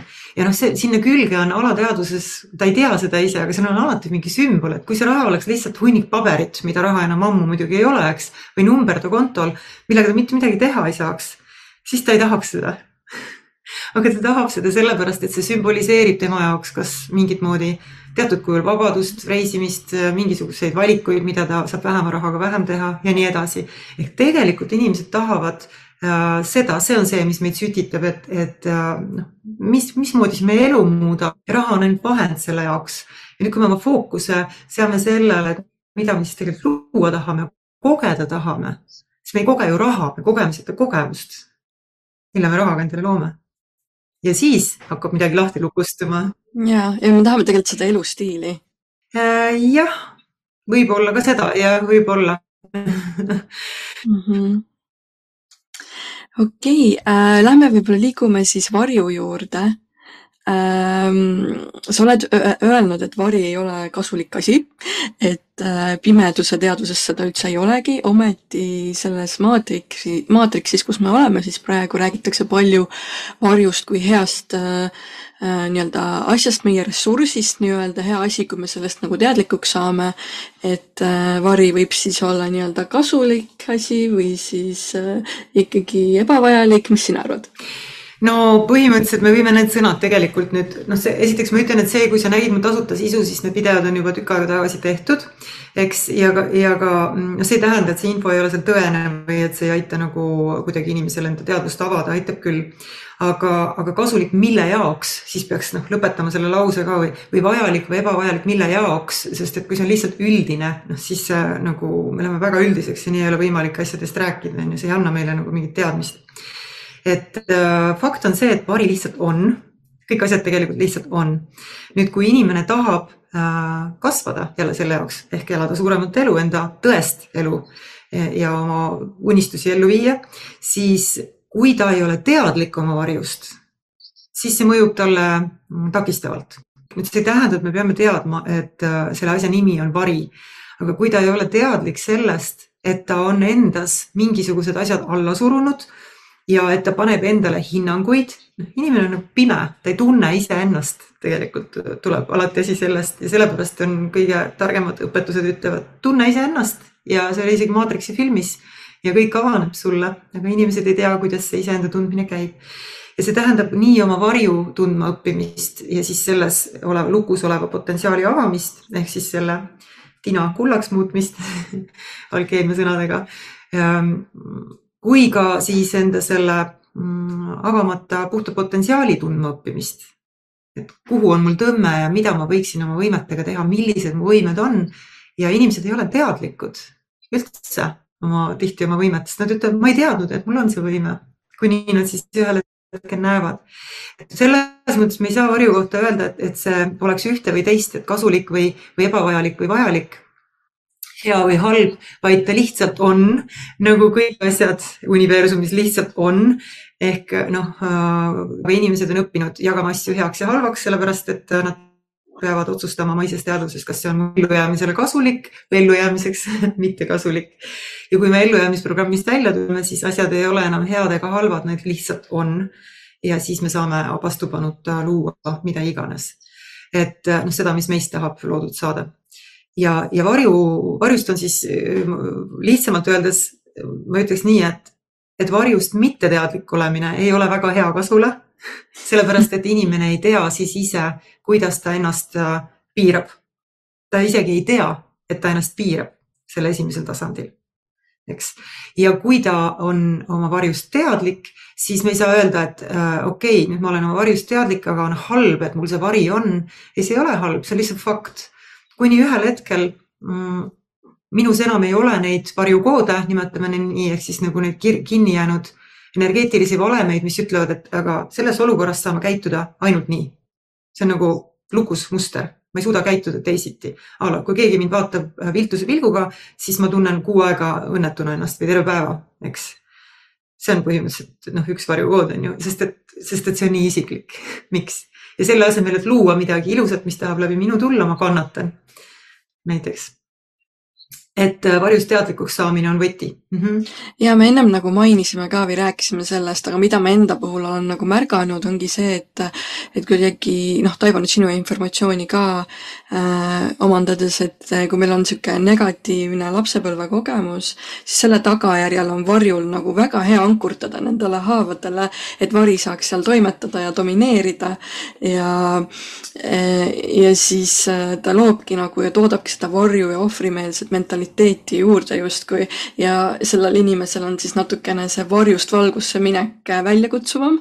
ma ei tea, võib-olla, kuidas sina seda äh, nagu näed, võib-olla enda klientide puhul ka nagu ja aga, aga noh, esiteks ma ei tegele päästmisega, eks, et ja inimesed ei ole ohvrid, et, et noh, see ongi see äh, ohvri kolmnurgast läbinägemine, mida need äh, pühageomeetria sümbolid meile näitavad, et, et äh, nägemine, et tegelikult energeetiliselt ei ole ohvreid olemas, kuigi me võib-olla mingis eluolukorras noh, mul on endal igasugune kirju, kirjusid kogemik, kogemusi minevikus, aga ma ei näe ennast nendes kuidagi ohvrina enam, kunagi nägin, siis, äh, siis see ei tähenda, et me ei saaks mm, et me ei saaks olla väes, sõltumata sellest, mis meie elus toimunud on või parasjagu toimub. Jälle, eks, kas see, mis meie füüsilises reaalsuses toimub või on toimunud, kas ma annan sellele loole oma väe ära või ma teadvustan, et tegelikult see oli lihtsalt lugu ja, ja mis, kui inimesed siis seda tööd endaga teevad, siis nende mineviku kogemused, nende taju sellest muutub täielikult kuni selleni välja, et nad näevad, et aga see oli tegelikult mu ärkamise kogemus või et see oli mu kasvamise kogemus. et ma sain teadlikuks sellest, et äh, okei okay,, aga ma näen ennast nüüd teisiti või kogu elu, universumit, kõiki teisi inimesi ja noh, neid kogemusi mm, jällegi, et kas uskuda, et, et negatiivsed, kui me ei tea seda, kuidas see füüsiline reaalsus toimib meie kasuks, nii-öelda nagu ma ei ütleks, et nagu õppimiskeskkond, see on ikkagi mitte õppimine, see ei ole kool, vaid me päriselt elame, eks ole, siin ei ole harjutusi, iga, igal hetkel me teeme päris asja, pole väikseid ja suuri asju, kõik on üks.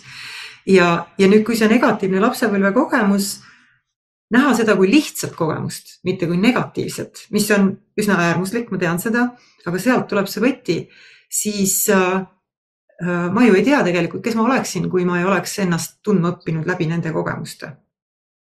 aga ma tean ka, et ma olen täna siin ja mul on kõik suurepärane ja, ja ma, ma võin kasvada veel ja veel ja veel, et see ei defineeri mind ja samas ma ei tea, kes ma oleksin, kui mul ei oleks seda kogemust, kas ma siis oleksin selle võrra teadlikum. noh, see on küsimus, millele me ei saa kunagi vastust, ei olegi vaja seda küsida sellepärast, et selle vastust otsida, eks, vaid lihtsalt, et näha seda teisiti. et need asjad on ka tulnud meile selleks, et me saaksime selleks, kes me täna oleme. ja et me nagu ei klammerdu nagu selle kogemuse külge, vaid me võtame teda kuidagi kergelt ja puhtalt. ma nagu tunnen. jah meie inimmina kogeb neid kogemusi, aga me ei ole ju meie inimmina ainult, et see on ainult, see on üks osa meist, mis on meie mhm. sees tegelikult ja me oleme puhas teadus. ja just klammerdumine oli siin see võtmesõna, et inimesed jäävad kinni, noh, eks seal on mingi lõpuni tundmata emotsioon, kui seda enam ei ole, siis on see lihtsalt üks lugu, mis oli ja noh, need ei oma enam nagu tähtsust mm jaa, väga palju on ka seda, et me justkui nagu mõistuse tasandil teame, et mis on meie nii-öelda varjuküljed, pahupooled, mis takita-, takistavad nagu meie soovitud loomast, aga ometi nii-öelda ei astu me üle neist, vaid jääme kuidagi sinna lõksu kinni. ja noh, siin sa vastasidki, et nagu äh, läbi kogemata emotsioonid, see on see põhjus. jah, see on jah, väga täpne, et, et äh, noh, mõttetasandil ma proovisin ise ju tükk aega lihtsalt oma mõtlemist muuta, sest teatud õpetused ütlevad meile, et muuda oma mõtteid, aga me ei ole oma mõtted, eks need on nagu asjad, mis on meie sees või meie inimmina kogeb neid. ja, ja üks osa meist ainult, et, et sellepärast on see kehas asjade muutmine ja, ja noh, nagu ütleme siis kodeeringu tasandil või energeetilised, noh, need on tegelikult väiksed valemid, mis ütlevad, mis millestki saab, eks nii nagu me veebilehte näiteks teeme, ka seal on kood taga, samamoodi on meil taga see programm ja seal ei ole nagu midagi hirmsat, et see ei ole kellegi teise loodud, vaid me ise oleme selle ise teadvusena endale loonud ja see on, me oleme lihtsalt selle väljendus. et äh, sellepärast mõttetasandil asjade muutmine ei toimi, et need mõtted on selle energia väljendus, mitte vastupidi. ja kui me selle lahti lukustame, siis muutub see. Ma võin siia niisuguse toreda loo juurde rääkida, äh, kuidas see toimib päriselus. Näiteks, et äh, ma käisin äh, eelmise aasta jaanuaris oma pojaga Maldiividel ja me otsustasime minna siis sukelduma esimest korda, me ei olnud kumbki enne seda teinud, võtsime selle algkursuse ja, ja sel hetkel, kui me sinna ookeani läksime, ma olen väga hea ujuja, vett ei karda, aga millegipärast see mm, nagu vee alla minek selle tehnikaga, mul lihtsalt tekkis hirm ühel hetkel. mu pojal ei olnud mingeid probleeme, ta on nagu kala ees, ta oli nagu oleks eluaeg sukeldunud seal. ja siis noh, ma tajusin ka erinevust, eks, et, et õpetaja küll ütles, et meil läheb mõlemal väga hästi, aga noh, ma ise tundsin, et ma ei saa seda täielikult lõõgastuna nautida, sest mul oli, ma ei tahtnud vee alla minna. samas ma tahtsin minna, aga ma ei tahtnud ka, eks ma tundsin nagu hirmu. okei okay,, ma ei saa piisavalt õhku, sest see hingamine on teistmoodi. ja noh, kuna ma tean, mismoodi see asi toimib energias, siis meil oli vahepeal paus. ma tegin selle niimoodi nagu natuke äh, ülejala selle asja seal ära, käisin ikka vee all ära, aga see ei olnud nagu mõnus, mõnus ja siis meil oli vahepeal paaritunnine paus ja ma olin juba otsustanud, okei okay,, ma, ma lülitan selle hirmu endas välja, sest ma tean, et see on lihtsalt üks nagu lüliti nagu emaplaadil on sisse lülitatud, et hirm on aktiivne ja mul on võime see välja lülitada. ja siis ma seda tegingi ja leidsin üles oma kehas selle koha, kus see lüliti oli mm, on peal ehk siis sisse lülitatud. Ja, ja teades, mis see on, lülitasin selle välja ja mu järgmine sukeldumiskogemus oli, et mul ei olnud seda hirmu, väga nauditav. Mm. Ja selleks ei läinud aega, eks ole, rohkem kui võib-olla, ma ei tea, võib-olla ma tegin seda viis minutit. Mm.. ehk noh, asjad on väga lihtsad, kui me teame, kuidas seda teha, mitte mõtlemise muutmine, mitte midagi muud, aga ma vaatasin ka, noh, ma tundsin lõpuni selle hirmu, eks. Teadvustasin endale, mis see siis on ja tegin täieliku rahu sellega, tegelikult on ju seal all surmahirm, et kui ma olen all mingi, me käisime kahekümne meetri sügavuselt, noh isegi kui sa oled juba kümne meetri sügavusel vaatad sinna üles ja näed, et aga mis siis, kui ma ei jõua üles, kui mul tekib mingi, ma lähen paanikasse, tõmban vett kurku, mis iganes, eks ole, kõik need mustad stsenaariumid hakkavad jooksma. ja ma tegin päriselt sellega rahu, et okei okay,, kui ma surengi siin, ma tahan sukelduma minna, keegi ei käsi mind. kui ma surengi siin seda asja kogemust läbi tehes, siis see on see koht, kus ma tahan olla selle inimesega koos, kellega ma tahan olla ja kõik on väga hästi, sest et noh, tegelikult ma suren nagunii ühel päeval ja, ja see on nüüd noh, päris, mida ma räägin, et see ei ole mingi, et ja igaüks saab seda teha, eks, aga lihtsalt inimesed kardavad minna sinna selle tugeva emotsiooni lõppu välja, sellepärast et see on ebamugav.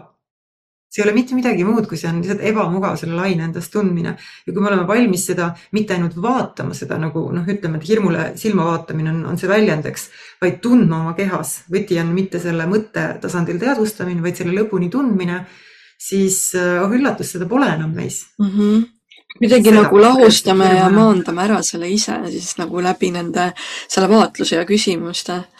et. Ja no tegelikult selle teadvustamisega me äh, häälestume sellele teatud sagedusele äh,. mis, mis sagedusel see konkreetne emotsioon praegu, mis pinnal on, võngub sest me oleme tegelikult võnkeväljad, sisuliselt kogum võnkeid. nüüd, kui me oleme selle täpselt häälestunud, siis me võngume selle kokku ja noh, kui võtta energeetilisel vibratsioonilisel tasandil, siis see saab hakata meil süsteemis, see saab nagu lahti pakitud.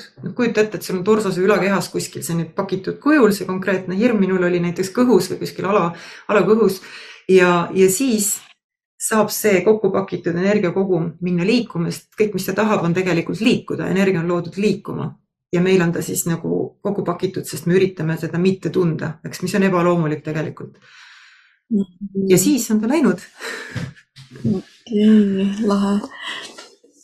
ja mul on üks äh, küsimus veel äh, nii-öelda varju kohta, et kas sa saaksid tuua mingile näite et kuidas me teiste inimeste äh, neid varjukoode nii-öelda üle võtame, et kas see on siis nii, et näiteks jälgime me kedagi, viibime kellegiga samas äh, ruumis, kes usub nii-öelda näiteks, no toome alla näite, mingi raha on raske luua või et äh, raha kasvab puu otsa, siis usume seda samamoodi ja võtamegi seda nagu üle või kuidas see omastamine siis käib? Mm. -hmm, jälle väga hea küsimus. no peamiselt me võtame äh, suure osa nendest asjadest, mida me, kuidas me maailma tajume ja tunnetame.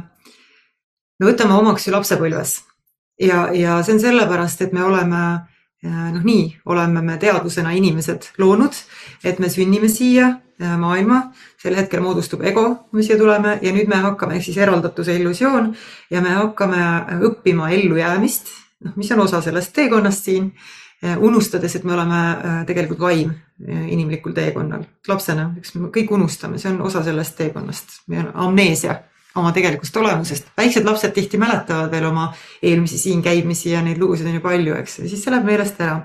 ja nüüd me hakkame, noh, esimesed seitse-kaheksa eluaastat on eriti tugevad, kus lapsed on sellises pool, võib öelda nagu hüpnoosilaadses olekus, mis järjest siis väheneb või nagu tuleb mm, nii-öelda tulevad siia maa peale tagasi, nagu täiskasvanud ütlevad, et tule maa peale tagasi, siis täpselt see hakkabki toimuma.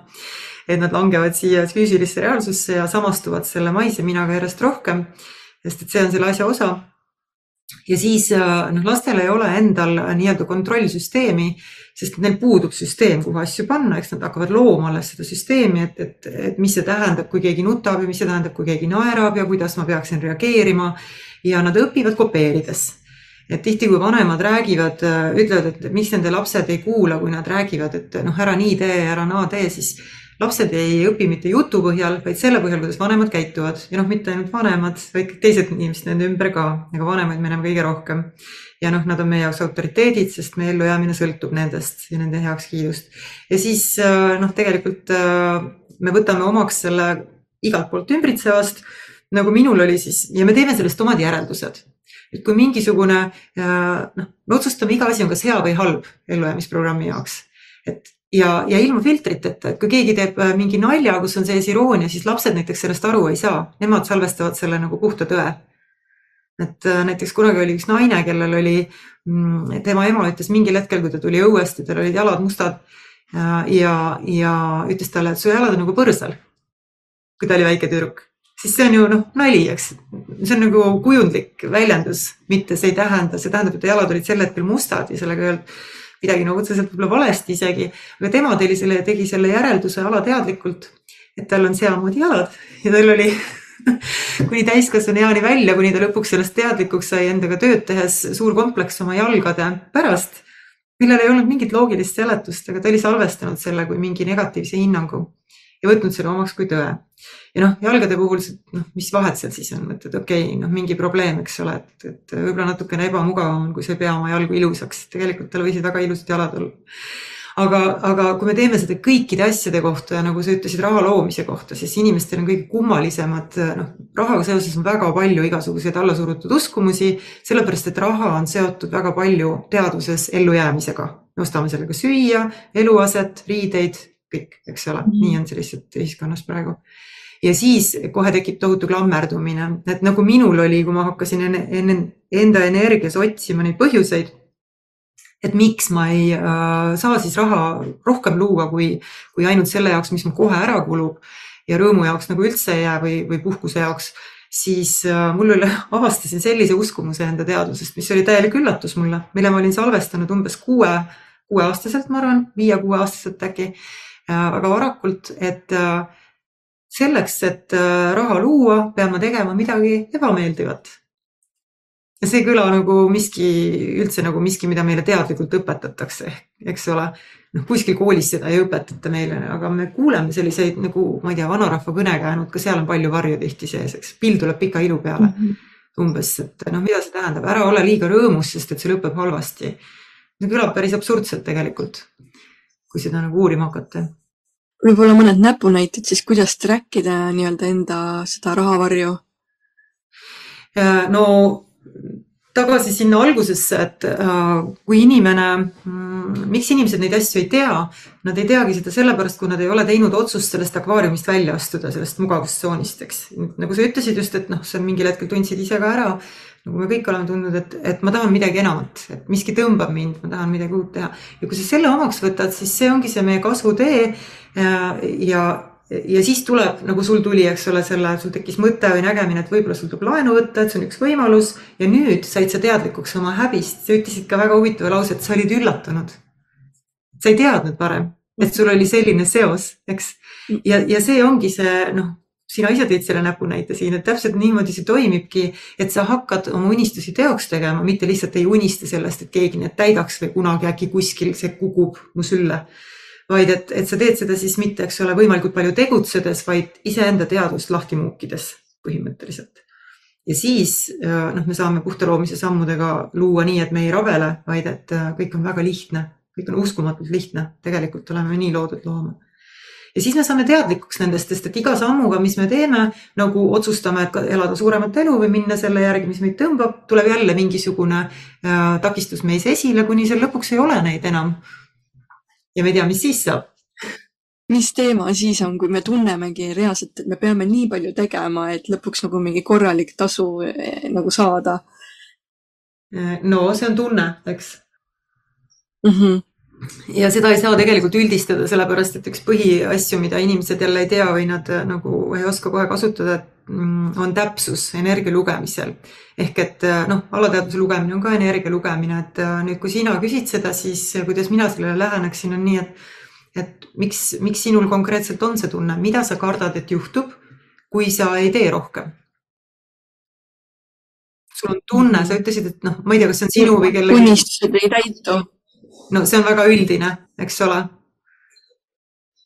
see, selles, seda lugu kuulates sa võidki jääda seda nagu endale rääkima, aga kust sa tead, et see tõde on?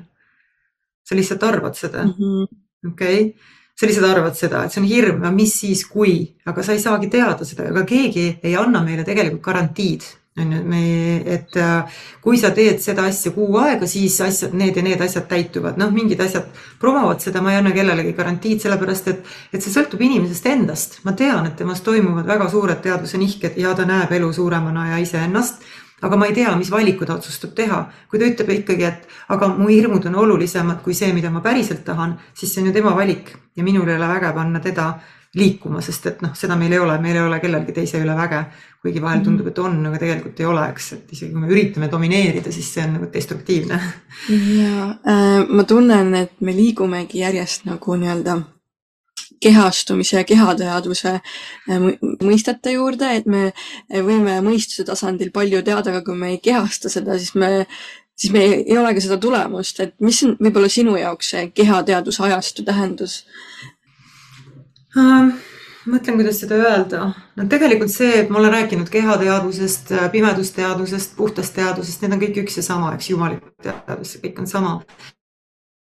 et, et ei ole, et me oleme meel, et see keha on mingi tühi kest, mida meil, noh, ma ei tea, umbes nagu aitab meil siin energiat ringi kanda ja mingeid asju teha, eks, nagu see oleks vähem, vähem millestki või, või meelest madalam et on olnud ju see pikalt see ajastu, et, et meel äh, üle mateeria, noh, see ajastu on nüüd lõppenud ja tegelikult äh, kui me tajume, et äh, kogu meie süsteem, teadus on igal pool, igas me, iga me rakk on teaduse väljendus, siis me hakkame elama teistmoodi.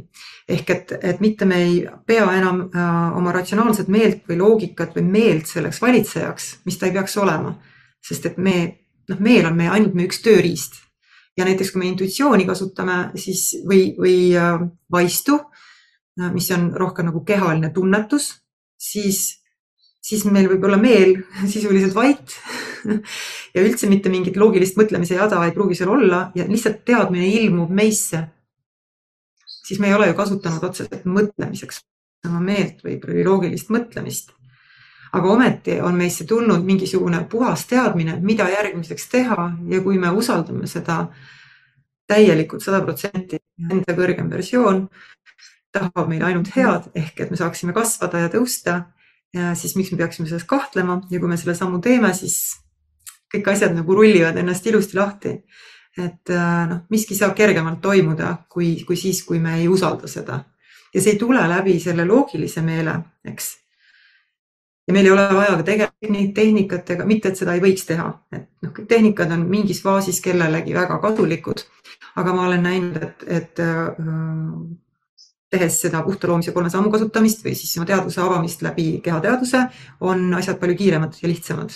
Need takistused kaovad oluliselt kiiremini, mis inimese sees on ja mulle meeldiski see, et äh, sa noh, main-, noh, nagu muudadki seda, et mida on varasemalt arvatud, et, äh, et inimestel on, äh, et sa oledki maininud, et emotsioonide analüüsimine, emotsioonide põhjuste otsimine, päeviku pidamine, meele muutmine, mindfulness tehnikad ei ole tegelikult väga pistmist sellega, kuidas enda emotsioone nii-öelda siis track ida või ära tunda, et, et äh, siin sa nagu rääkisidki juba, kuidas seda nagu teha juba eelnevalt, nii et, et ja äh, mm. -hmm Äh, ka minul on tegelikult kontrollist äh, lahtilaskmisega olnud päris äh, palju probleeme et ma võin nagu justkui nagu lahti lasta, arvan, et ma teen seda, aga tegelikult ma ei ole ikkagi päriselt nagu sada protsenti lahti lasknud, et mu meel tahab ikkagi nagu,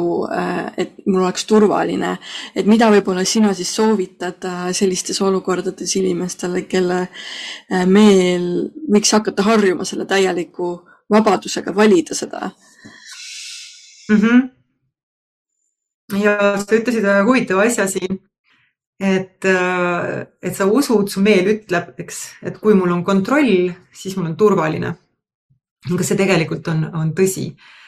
et noh, see turvatunne, mis asi see üldse on? turvatunne, inimesed arvab, et noorena näiteks oma täiskasvanu elu alguses, tal on mingisugune plaan, mõnedel, mõnedel inimestel on oma elu jaoks või ettekujutus, milline see saab olema. näiteks, et ta abiellub, saab kolm last, siis ta on õnnelikus suhtes, läheb ülikooli, leiab endale rahuldust pakkuva õnnelikuks tegeva töökoha, eneseteostus ja mis kõik edasi, kellelgi, kuidas see film sealt lahti rullib, siis äh, enamasti inimeste elud ei ole üldse sellised, nagu nad on arvanud, et need saavad olema, mis näitab seda, kui vähe meil on inimlikul tasandil tegelikult kontrolli oma elus toimuva üle. või siis need detailid ei ole ikkagi ju sellised, nagu me arvasime, et need on. okei okay?, ja, ja mõnedel inimestel on rohkem nii-öelda näib olevat seda kontrolli ja mõnedel nagu vähem. nüüd noh, see kontroll on ju, mis see tegelikult on, et, et tohutu Äh, kui palju on muutujaid meie ümber. kontrolli on vaja ainult siis, kui inimene ei usalda ja ta võib-olla ei teagi, eks, ja ei pea ka teadvustama, aga tal ei ole usaldust, et elu, isegi kui see on teistsugune, kui tema arvab, et see võiks olla, et see on ikkagi hea, et see saab olla hea. ja ma usaldan seda, mis toimub. kontrolli on ainult siis vaja, kui meil tegelikult puudub turvatunne. see on nagu paradoks et siis tegelik sisemine turvatunne, siis meil ei ole vaja enam kontrolli aga inimesed arvavad paradoksaalsel kombel, et kui neil on, mida rohkem kontrolli, seda turvalisemana nad ennast tunnevad. tegelikult ju ei ole nii. sest tuleb järgmine päev ja siis ma tunnen jälle hommikul hirmu ja vajadust kontrollida ja see on tohutu energiakulu ja, ja ka ajakulu. turvatunne ei tule sellest, kui palju meil on kontol raha, kas meil on praegu selline partner, kellega noh, meil on näiteks rahuldust pakkuv hea suhe, kuidas iganes keegi seda defineerib, mis on hea nende jaoks töökoht äh, selline või ettevõte, kus me oleme endale loonud ise tegevuse, eks, mingi eneseväljenduse viis, hobid, mis iganes keegi sinna juurde liidab, et turvatunne ei tule nendest asjadest, vaid see on sisemine olek. kui mul on elu suhtes täielik usaldus, siis ma ei, selline asi nagu turvatunne pole enam isegi teema. see on tegelikult noh, rohkem nagu maise teadvuse asi, eks, et mõtleme, kas ma tunnen ennast turvaliselt või mitte. jälle ellujäämisprogrammiga seotud, et miks ma peaks ennast mitte turvaliselt tundma, kui ma olen vaimolend inimlikul teekonnal, mis saab minna valesti? mitte midagi. appi, see on nii hästi öeldud, sellepärast et see on just see, mille ma ise hiljuti nagu taipasin, sest et minul nagu meel tõesti, kui sa ütlesid, et, et, et rahasumma pangakontol ei anna nagu äh,, ei peaks andma nagu turva. see annab võltsturvatunde mõnikord jah jah, seal on nagu võlts et ma, ma ei tundsingi, et mul oligi nagu see kindlasti sees. ja, ja noh, üleüldse, et see mõistmine, et usaldada elu, et mis see nagu sügavamal tasandil siis tähendab ikkagi, et me võime ka siin nagu, me võime nagu verbaalselt öelda, et jaa, ma usaldan elu, aga samal hetkel ma samal ajal ikkagi vaatan, et mul oleks pangakontol see rahake olemas, vaata. et jah, et siis see on jälle see nagu varjukohake seal. et ja, et mm, -hmm, et nagu jah, et selliseid asju Äh, tuleb ette ja, aga kuidas siis äh, saada võib-olla nagu kehaga rohkem kontakti, kas sina teed mingisuguseid praktikaid igapäevaelus või äh...? no minu praktika on, no kogu mu elu on praktika.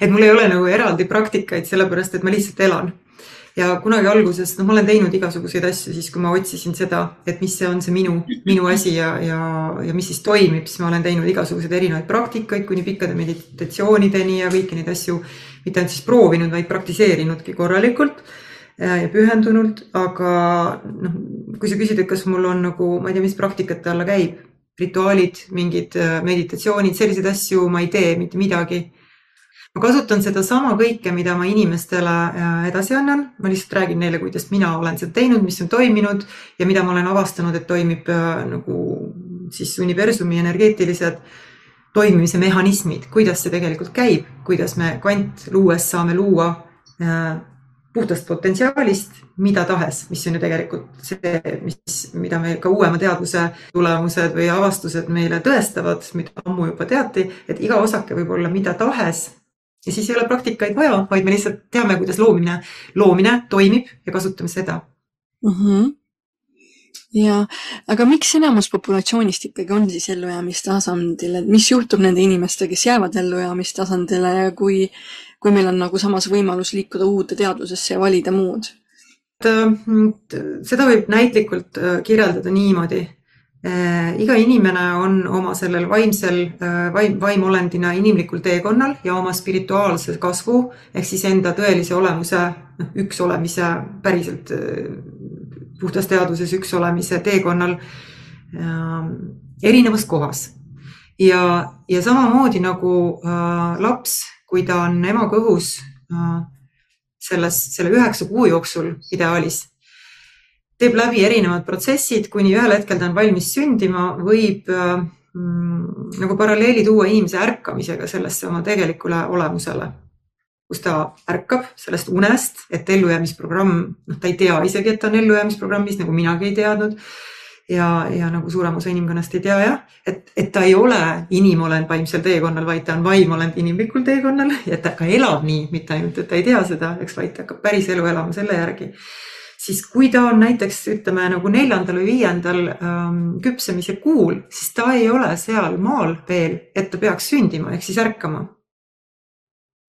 aga teised inimesed, kes on noh, mõned, kes on seal päästerollis või, või arvavad, et aga kõik peaks nüüd korraga ärkama. potentsiaal on olemas, aga nad teevad seda läbi noh, seda loomulikku protsessi ja, ja me ei saa kedagi sellepärast sundida ärkama ja me ei peaks seda kunagi tegema, et tema tõelisele olemusele, et et inimestes tekib ühel hetkel see soov nii-öelda sündida, ärgata, siis kui nad on selleks valmis. ja kui tema, kui ta on selleks valmis, siis ta hakkab ise esitama küsimusi, otsima, nii nagu kõik inimesed selleni on jõudnud. ja siis ta teeb selle läbi, et äh, see ei tähenda, et, me kõik oleme nagu samas kohas ja see ei tähenda, et üks on teisest parem või üks on teisest halvem, eks, vaid nad on lihtsalt erinevas kohas ja küll nad siis ärkavad, kui nad valivad ärgata, kui aeg on nende jaoks küps et ega see ei tähenda, et, et see ellujäämisprogrammis mm -hmm. toimimine on kuidagi nagu halb otseselt, see on lihtsalt üks selle protsessi osa. ja ega see, et keegi seal kannatab, see kannatus on illusioon.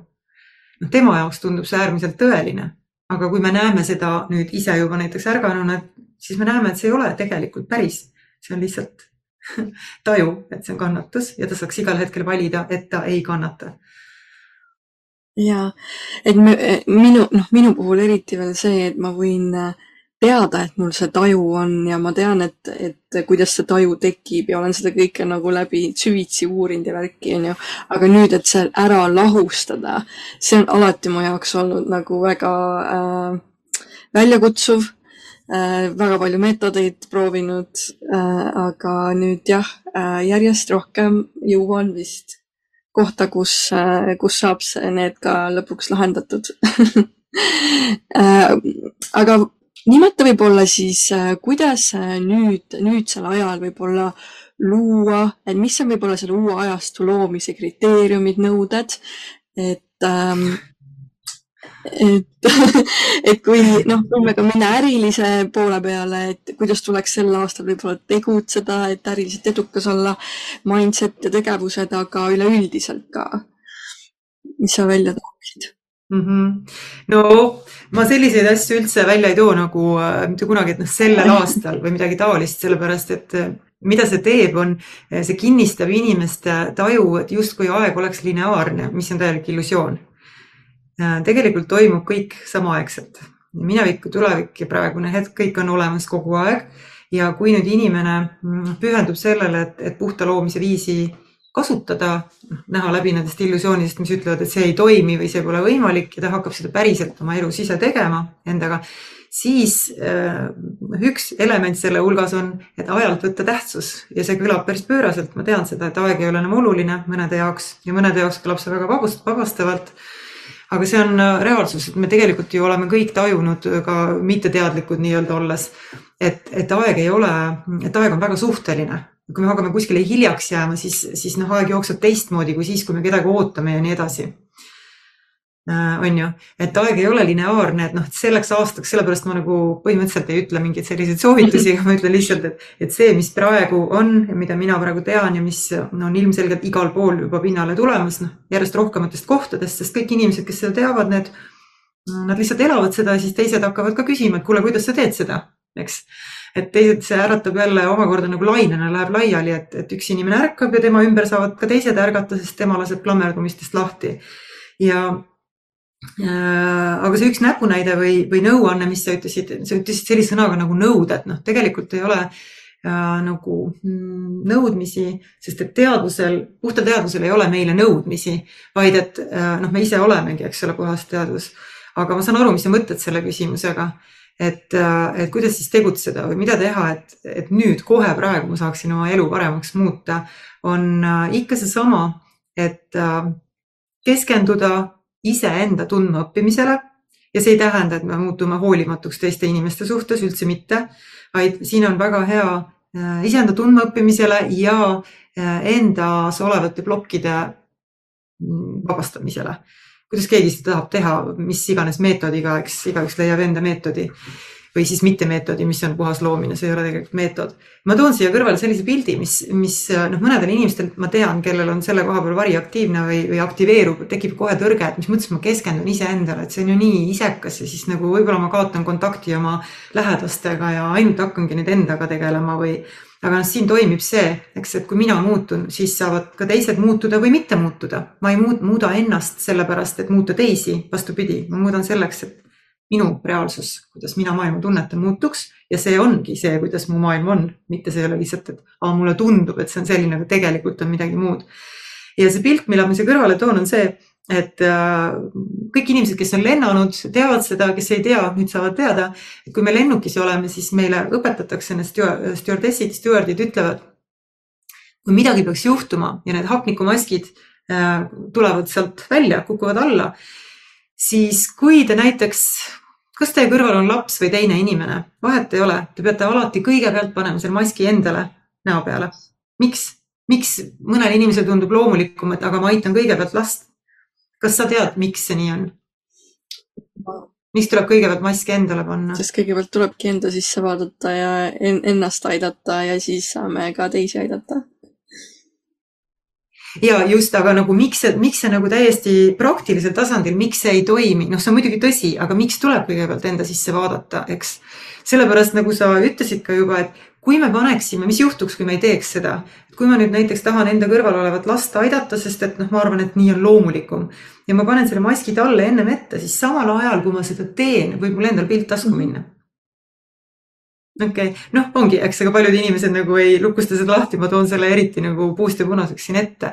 et kui me ise enda eest ei hoolitse, siis me ei ole võimelised ka teiste jaoks olemaski olema. sellepärast, et noh, me nagu ei kasuta, ei hoolitse enda eest, tähendab, et, et äh, me ei väärtusta loojat iseendast. ja niipea, kui me seda teeme, siis me saame teha ka midagi enamat nagu ülevoolust luua ka teiste jaoks et ikka see. ja ma kuulasin ju sinu äh, videot ka äh, sellest uuest teaduse tasandist äh, ja seal toimubki siis loomine selle pinnalt, et ma tean, kes ma indiviidina olen, ma usaldan ennast, ma toetun ainult iseendale, ma valin selle, mis mulle on oluline, mul on enda pinnas selgroog, kõik väline on justkui tähtsusetu ja see, et me jõuaks sellise vastutuse kohani, kus sa ütlesid, ütlesidki, et kõik äh, meie elus loodu ja iga pisidetail on nagu meie valik, siis ma tunnengi, et sinna tulebki nagu mm-hmm. jõuda, et see on nagu äh,, ma ise nagu tunnen, et, et ma arvan, et ma mingi neli aastat tagasi kindlasti ei oleks mul olnud sellist nagu kandevõimet, et sellest nagu esiteks aru saada ja seda nüüd siis praktikasse ka panna et ja, et see oli ka hästi huvitav. okei okay,, selle koha peal ma pean natukene täpsustama ja parandama, sellepärast et see ei ole päriselt tõsi, kuidas sa seda nüüd nagu ütlesid, on ju, ma saan aru, jälle jõuamegi selle juurde, et sa tutvusid mu tasuta sisuga, mis on tegelikult loodud selleks, et inimesel tekiks äratundmine, kas siin on midagi tema jaoks.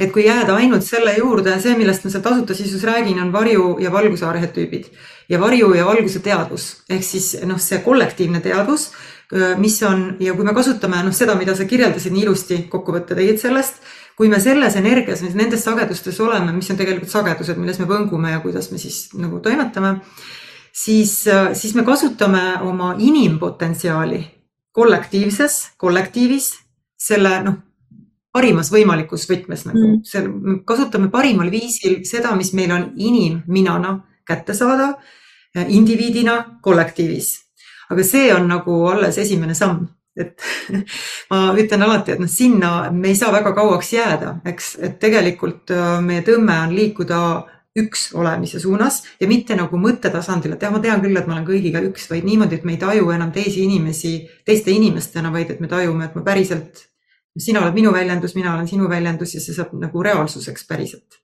et me elame nii, nagu me oleksime kõik üks organism ja, ja see on puhas teadus ja siis on meil kõik kättesaadav, sellepärast et kõik asjad eksisteerivad ja me ei ole noh, eraldatuse illusioonist väljatulek.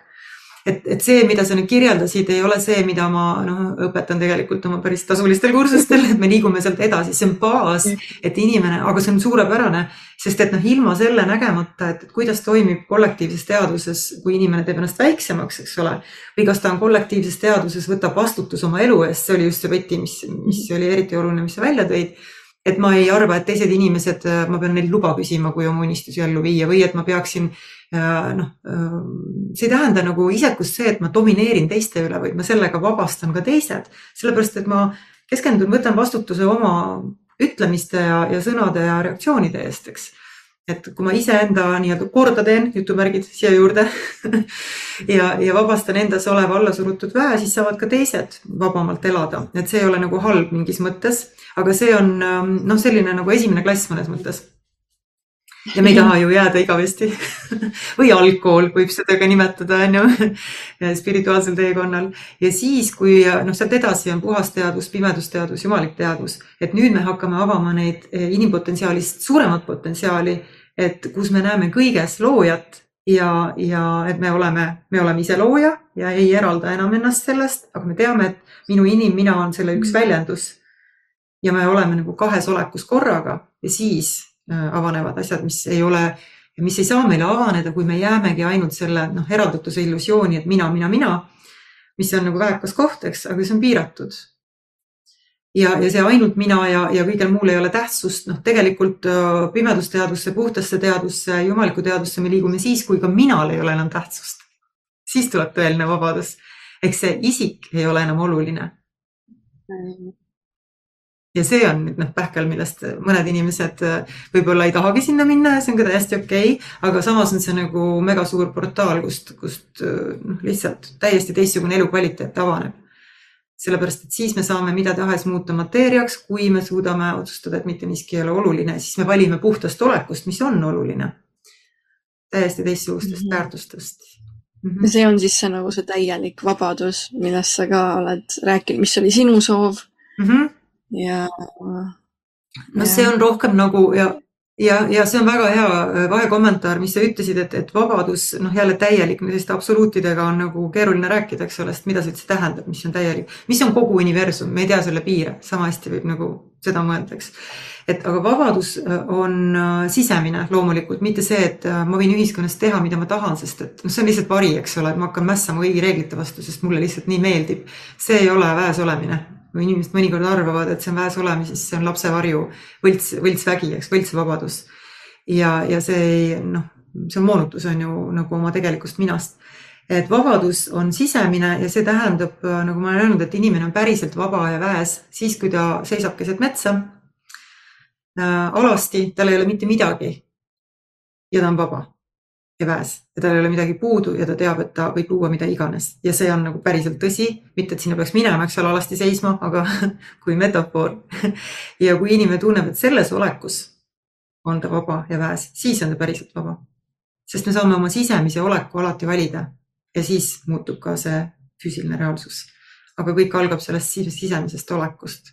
Kuni me arvame, et mingi asi, mis on väljaspool meid, annab selle vabaduse, noh siis me ikkagi oleme kogu aeg nii-öelda nagu sõltuvuses sellest ju sest et meil ei ole kontrolli ja sa ütlesid ka, et pisidetailideni äh, ma saan valida kõik, mis mu elus toimub, siis see ei ole jälle tõsi, sest et asja mõte on selleks kontrolli omamine, eks ole, kõige üle.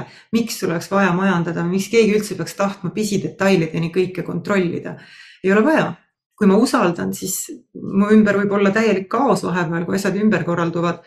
Ma ei kontrolli midagi, aga kui ma olen ja kuna ma olen täielikus usus ja usalduses, siis äh, alati see, mis läbi selle sünnib, on midagi suuremat, ilusamat, paremat, nii nagu me maises teaduses seda suudame tajuda. mis võngub kergemalt, rohkem rõõmu, õnne, kõiki neid asju ja see on päris kogemus inimestel, kes seda teevad.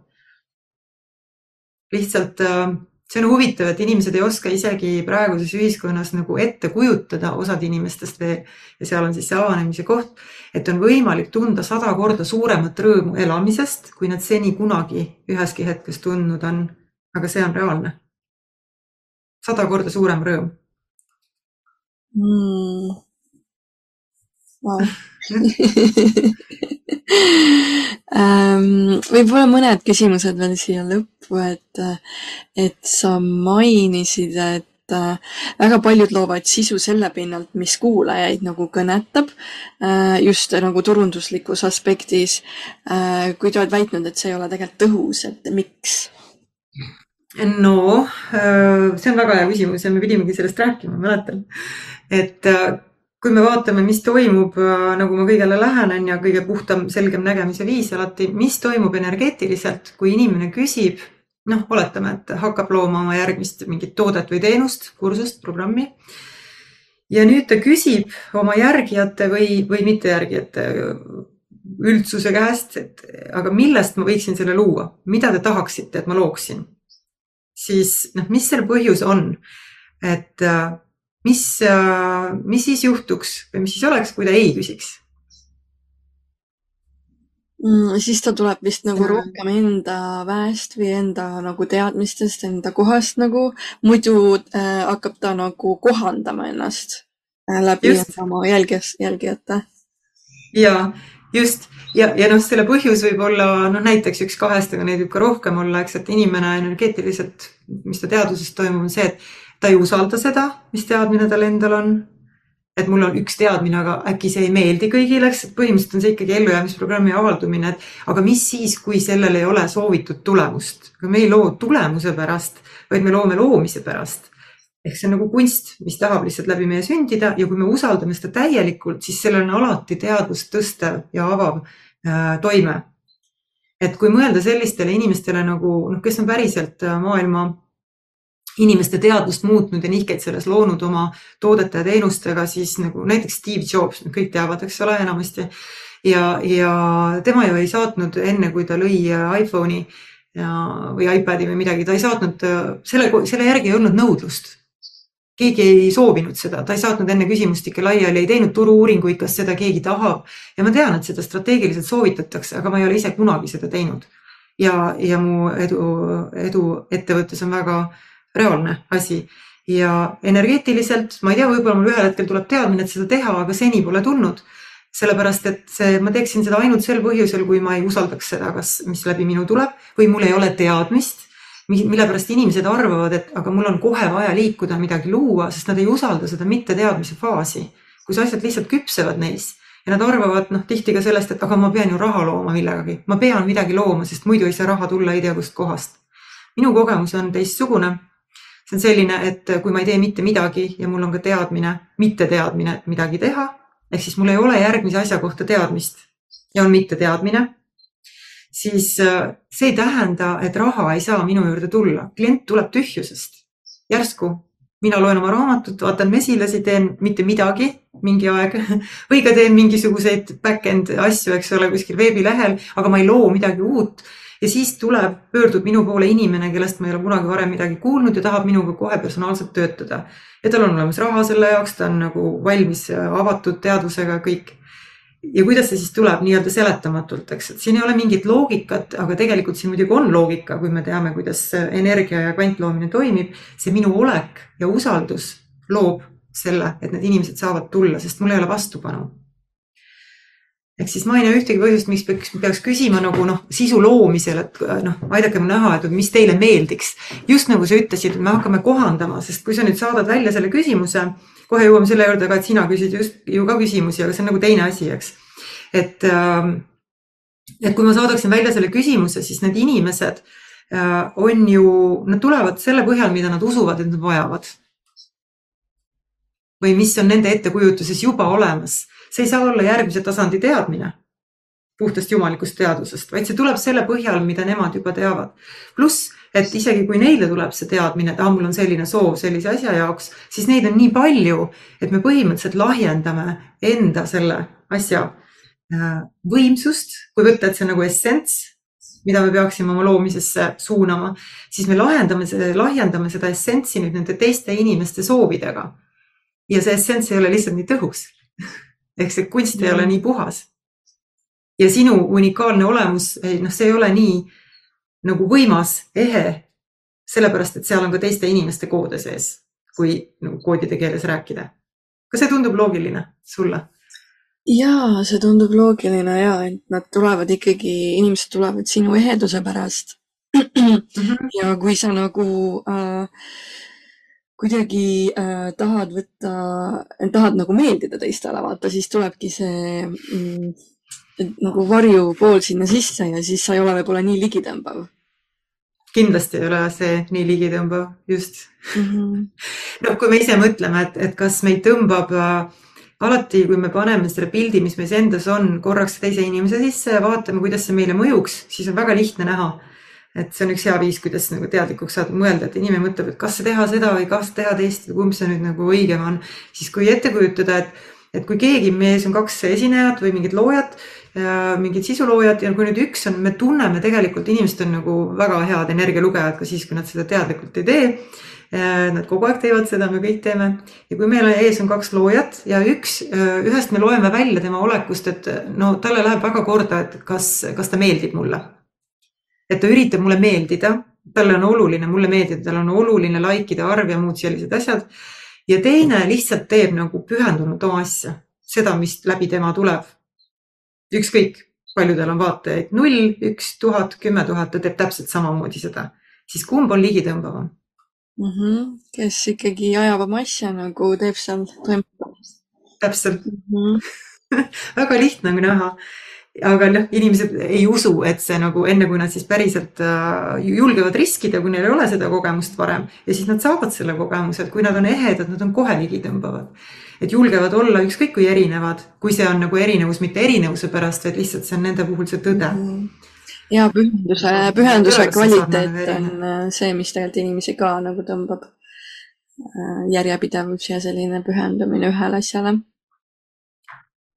Jah, meie energeetiline olek on tegelikult see, mis, mis tõmbab, äh, kui tões, kui tõepoolu sees me oleme, kui puhtad, puhtas olekus me oleme siis me võime hiina keelt rääkida, nad ikka tulevad. mu kliendid vahest ütlevad, et see kõlab nagu hiina keel, aga mulle tundub, et midagi mu kehas muutus midagi praegu ja järgmine päev nad saavad taipamise. et äh, noh, vahel on see keel keeruline või siis lihtsalt äh, süsteemi ei mahu kõik need sõnad ja asjad veel, aga toimub nihe teadvuses ja siis äh, noh, sa ütlesid näiteks vaates seda tasuta sisu ja okei okay,, noh midagi siin klikib, eks mm. -hmm. ja klikkis juba, klikkis juba aasta alguses ja Äh, aga kes on täna sinu siis kliendid, äh, kui suur see kogukond on ja kas sellega saab siis kohe, saavad inimesed kohe liituda või on mingid kindlad ajavahemikud? Äh, no kliendiks ma nimetan tegelikult aktiivselt seda, kelle, kes, kes on mingis tasulises programmis, eks ole, mul või siis ka, kui mul on mingi parasjagu käimasolev, aktiivselt käimasolev tasuta kursus, siis need on ka loomulikult mu kliendid aga mm, iga inimene saab, kes tunneb tõmmet selle asja poole ja siis, et, midagi siin tema jaoks on ja sellel viisil, selles, sellel viisil, kuidas mina seda edasi annan, siis ta saab äh, liituda tasuta sisuga, just nagu sina oled seda teinud, Supreme Empires ee lehel on see link olemas. Ja siis saab ligipääsu tasuta videotele, midagi sellega algust teha. aga noh, see on tõesti maitsmiseks, et kui selle juurde pidama jääda, siis see, see on nagu väike osa, eks ole, nagu ma ütlesin, see algkoolimaterjal ja mitte, et see kuidagi vähem väärtuslik oleks, aga need palju võimsam asi on, on siis seal, mm, kus nad saavad minult ka äh, teatud sorti juhatust vastavalt sellele, mis programmide tuleb, neid kogemusi on erinevaid. üks, mis on äh, praegu jooksvalt kogu aeg avatud, on, on see kuutasupõhine liikmeprogramm Koodinägija, äh, mis, mille ma lõin juba kaks tuhat kakskümmend üks talvel, sügisel ja, ja noh, seal asjad järjest muutuvad, seal on väga palju sisu, mida inimene saab navigeerida selles niipea, kui ta liikmeks tuleb, on nagu ostaksid trennisaali endale kaardi. et ta kolmkümmend päeva hakkab jooksma ja siis ta ise valib, kaua ta seal on, eks ole, kuu, kuu järgi. ja, ja ta saab seal intuitsiooni või sisetunnet järgides valida endale seda, mis teda parasjagu tõmbab ja siis grupis saab ta minu käest oma küsimustele vastuseid, selles mõttes on otsene ligipääs juurde ja toetust, ma aitan tal näha seda, mida ta ise ei näe, mis on selle asja olemus, et ta ise saaks teha oma valikud. ma ei anna nagu nõu, mida teha, seda ma ei tee, see ei ole coaching mm. -hmm. ja kui see on nagu üks kunstniku olemusi võib-olla, siis, äh, siis seda ma ei tee. ja, ja inimene saab oma võimeid hakata avama seal ehk iseenda seda potentsiaali, millest me siin rääkisime täna väga palju ja siis on teisi kogemusi, et mul on ka ingliskeelne portaal, seal on ka väga palju eestlasi ja, ja ka inglise keelt äh, emakeelena rääkivaid inimesi, et äh, mm, noh, see on kogu aeg muutumises jälle kui ma loen ette, et praegu on need programmid avatud, siis mm, -hmm. siis varsti on tulemas äh, meistrikursus on conventional, kus, mis on ettevõtjale, kes tahab need inimreeglid kustutada, mis piiravad ta loomist nagu erinevates asjades. idee vastuvõtmine, loomine, kuidas, mida üldse valida, mida teha, hinnastamine kõik detailid selle asja kohta, mis ta teeb, turundamine, müük, kohaletoimetamine, klienditeenindus, tagasiside, raha majandamine, võtame järjest kõik need kohad läbi, et kus ta teadvus on lukus, kus ta inimlike reeglitega noh, usub, et see on tõde, aga sellepärast ei, ei tee seda, mis on kõige võimsam mm,. see võib väga põnev olla. nagu see ongi väga põnev katsumuseks ja et noh, see on, see on kõrgema tasa, taseme programm selles mõttes, et see maksab rohkem ja seal on personaalselt töötamise koht sees, eks ole, et see on nendele, kes nüüd tõesti tahavad nagu lahti muukida seda ja teha seda praktikas. ja just ettevõtluse osas või mis iganes ta siis loob, mis kujul tal see ettevõtmine on. aga üks-ühele. ja siis on teisi. muidu ma teen seda, noh, et inimesed saavad saata selle sooviavalduse, et see algab sellest, kui keegi tahab minuga personaalselt töötada, et ta täidab äh, seal, saadab selle avalduse, vastab teatud küsimustele ja siis ma näen, kus ta on äh, oma energias ja, ja oma teaduse olekus praegu, et mida ta muuta tahab ja, ja mis ta eluolukord on, sealt tuleb see välja ja siis äh, praegu mul, praegu ma konkreetselt ei võta kedagi üks-ühele tööle, aga võib-olla talvel võtan. noh, igal juhul, kui on huvi, siis saab saata selle soovi ja siis me saame edasi suhelda mm. -hmm väga lahe. kas ma vastasin sulle? ja vastasid, vastasid ja meie äh,, mul tähendab küsimused otsas, nii et kui sul on midagi, mida sa tahaksid veel äh, meie kuulajatega jagada, mingeid mõtteid äh,, mingi äh, mm, -hmm. mingi mõttekäik ja no ma ütlen ühe sellise lihtsa asja, kust iga inimene võib alustada äh, nagu noh, lisaks sellele, et nad saavad seal tasuta sisuga hakata oma elu nagu ülevaatust tegema, et mis valdkondades ta vari on aktiivne, seal on tegelikult olemas need asjad, nagu sinagi nägid. Äh,. et ta saab ise teha oma, ja, jah, oo, väga lahe. Et äh, mina alustasin siis ja kui mina alustasin, siis see oli mul kogu aeg kaasas igal pool ja see oli mul täiesti kapsas, sest et ma noh, töötlesin oma seda, mis must toimus, on ju läbi selle ja siis ma nägin väga selgelt, et, see, kui intensiivselt keegi seda teeb või pühendunult on, on muide üks noh, suuremaid äh, suuremaid määrajaid või näitajaid, et kui kiiresti ta liigub siis enda selle tõelise potentsiaali avamisel noh, sul on see prinditud, see näitab midagi siin, eks, mitte et lihtsalt korra käisid vaatamas on oluline. aga see, mida iga inimene teha saab, ükskõik, kas ta on teadlik oma, oma varjust või, või mitte või mis asi see vari üldse on. ja, ja ilma igasugust tasuta sisuga eelnevalt vaatamata on. inimesed saavad hinnata oma elu ja siin kasutame numbreid, sellepärast et noh, need on subjektiivsed, eks ole, iga inimese jaoks, see on tema enda nagu number objektiivne, subjektiivne, ma ei teagi, mul need sõnad praegu sassis. igatahes ta saab ise otsustada ilma mõtlemata, mida teised sellest arvavad, see on nüüd oluline. et milline on tema eluga rahul olemise number skaalal nullist kümneni praegu. ma näen, sa mõtled enda jaoks enda oma ja, ja, ja siis, kui ta leiab, et see on noh, näiteks ütleme ümmarguselt viiest allpool siis äh, teadvustada, esimene asi ongi see teadvustada, et see ei saa mitte olla ainult noh, kümme, vaid tegelikult on võimalik see skaala noh, teha nii, et see saab olema sada.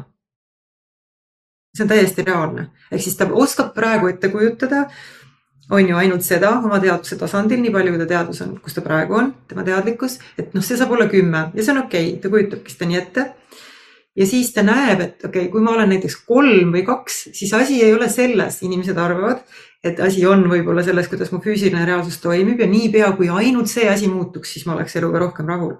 aga tegelikult on see vastupidine protsess, et miks ma ei ole rahul ja seal on see uks, see avatud portaal, kust sisse minna ja sealt muutub, kui mina muudan seda mitte, et ma otsustan, et ma olen järsku rohkem rahul, eks ole, mitte need, teeme tänulikkuse harjutusi kuni, ma ei tea, iga päev kolmkümmend minutit. see on tegelikult endale ju valetamine, ma proovisin seda, see ei toiminud. kui ma ütlen, et ma olen väga rahul oma eluga, just, eks, et muidu ju see oleks toiminud ja siis me ei otsiks midagi enamat. et noh, see aitab nagu hakkama saada sellega, aga see ei toimi nagu muutmiseks nüüd, kui inimene näeb, et tal on näiteks kolm või neli see number või, või mis tahes, siis ta saab teadvustada endale esimene asi, et tegelikult saab see olla kümme ja see sõltub ainult temast endast aga ta ei pea seda muidugi üksi tegema, et jälle see ei tähenda, on ju, et, et ennast materdada või midagi, et oi kui nõme, et ma seni olen teinud nii halvasti, vaid lihtsalt teadlikuks saada ja siis ta saab teha otsuse, et okei okay,, ma hakkan siis avastama, kuidas ma saan selle kümneni viia.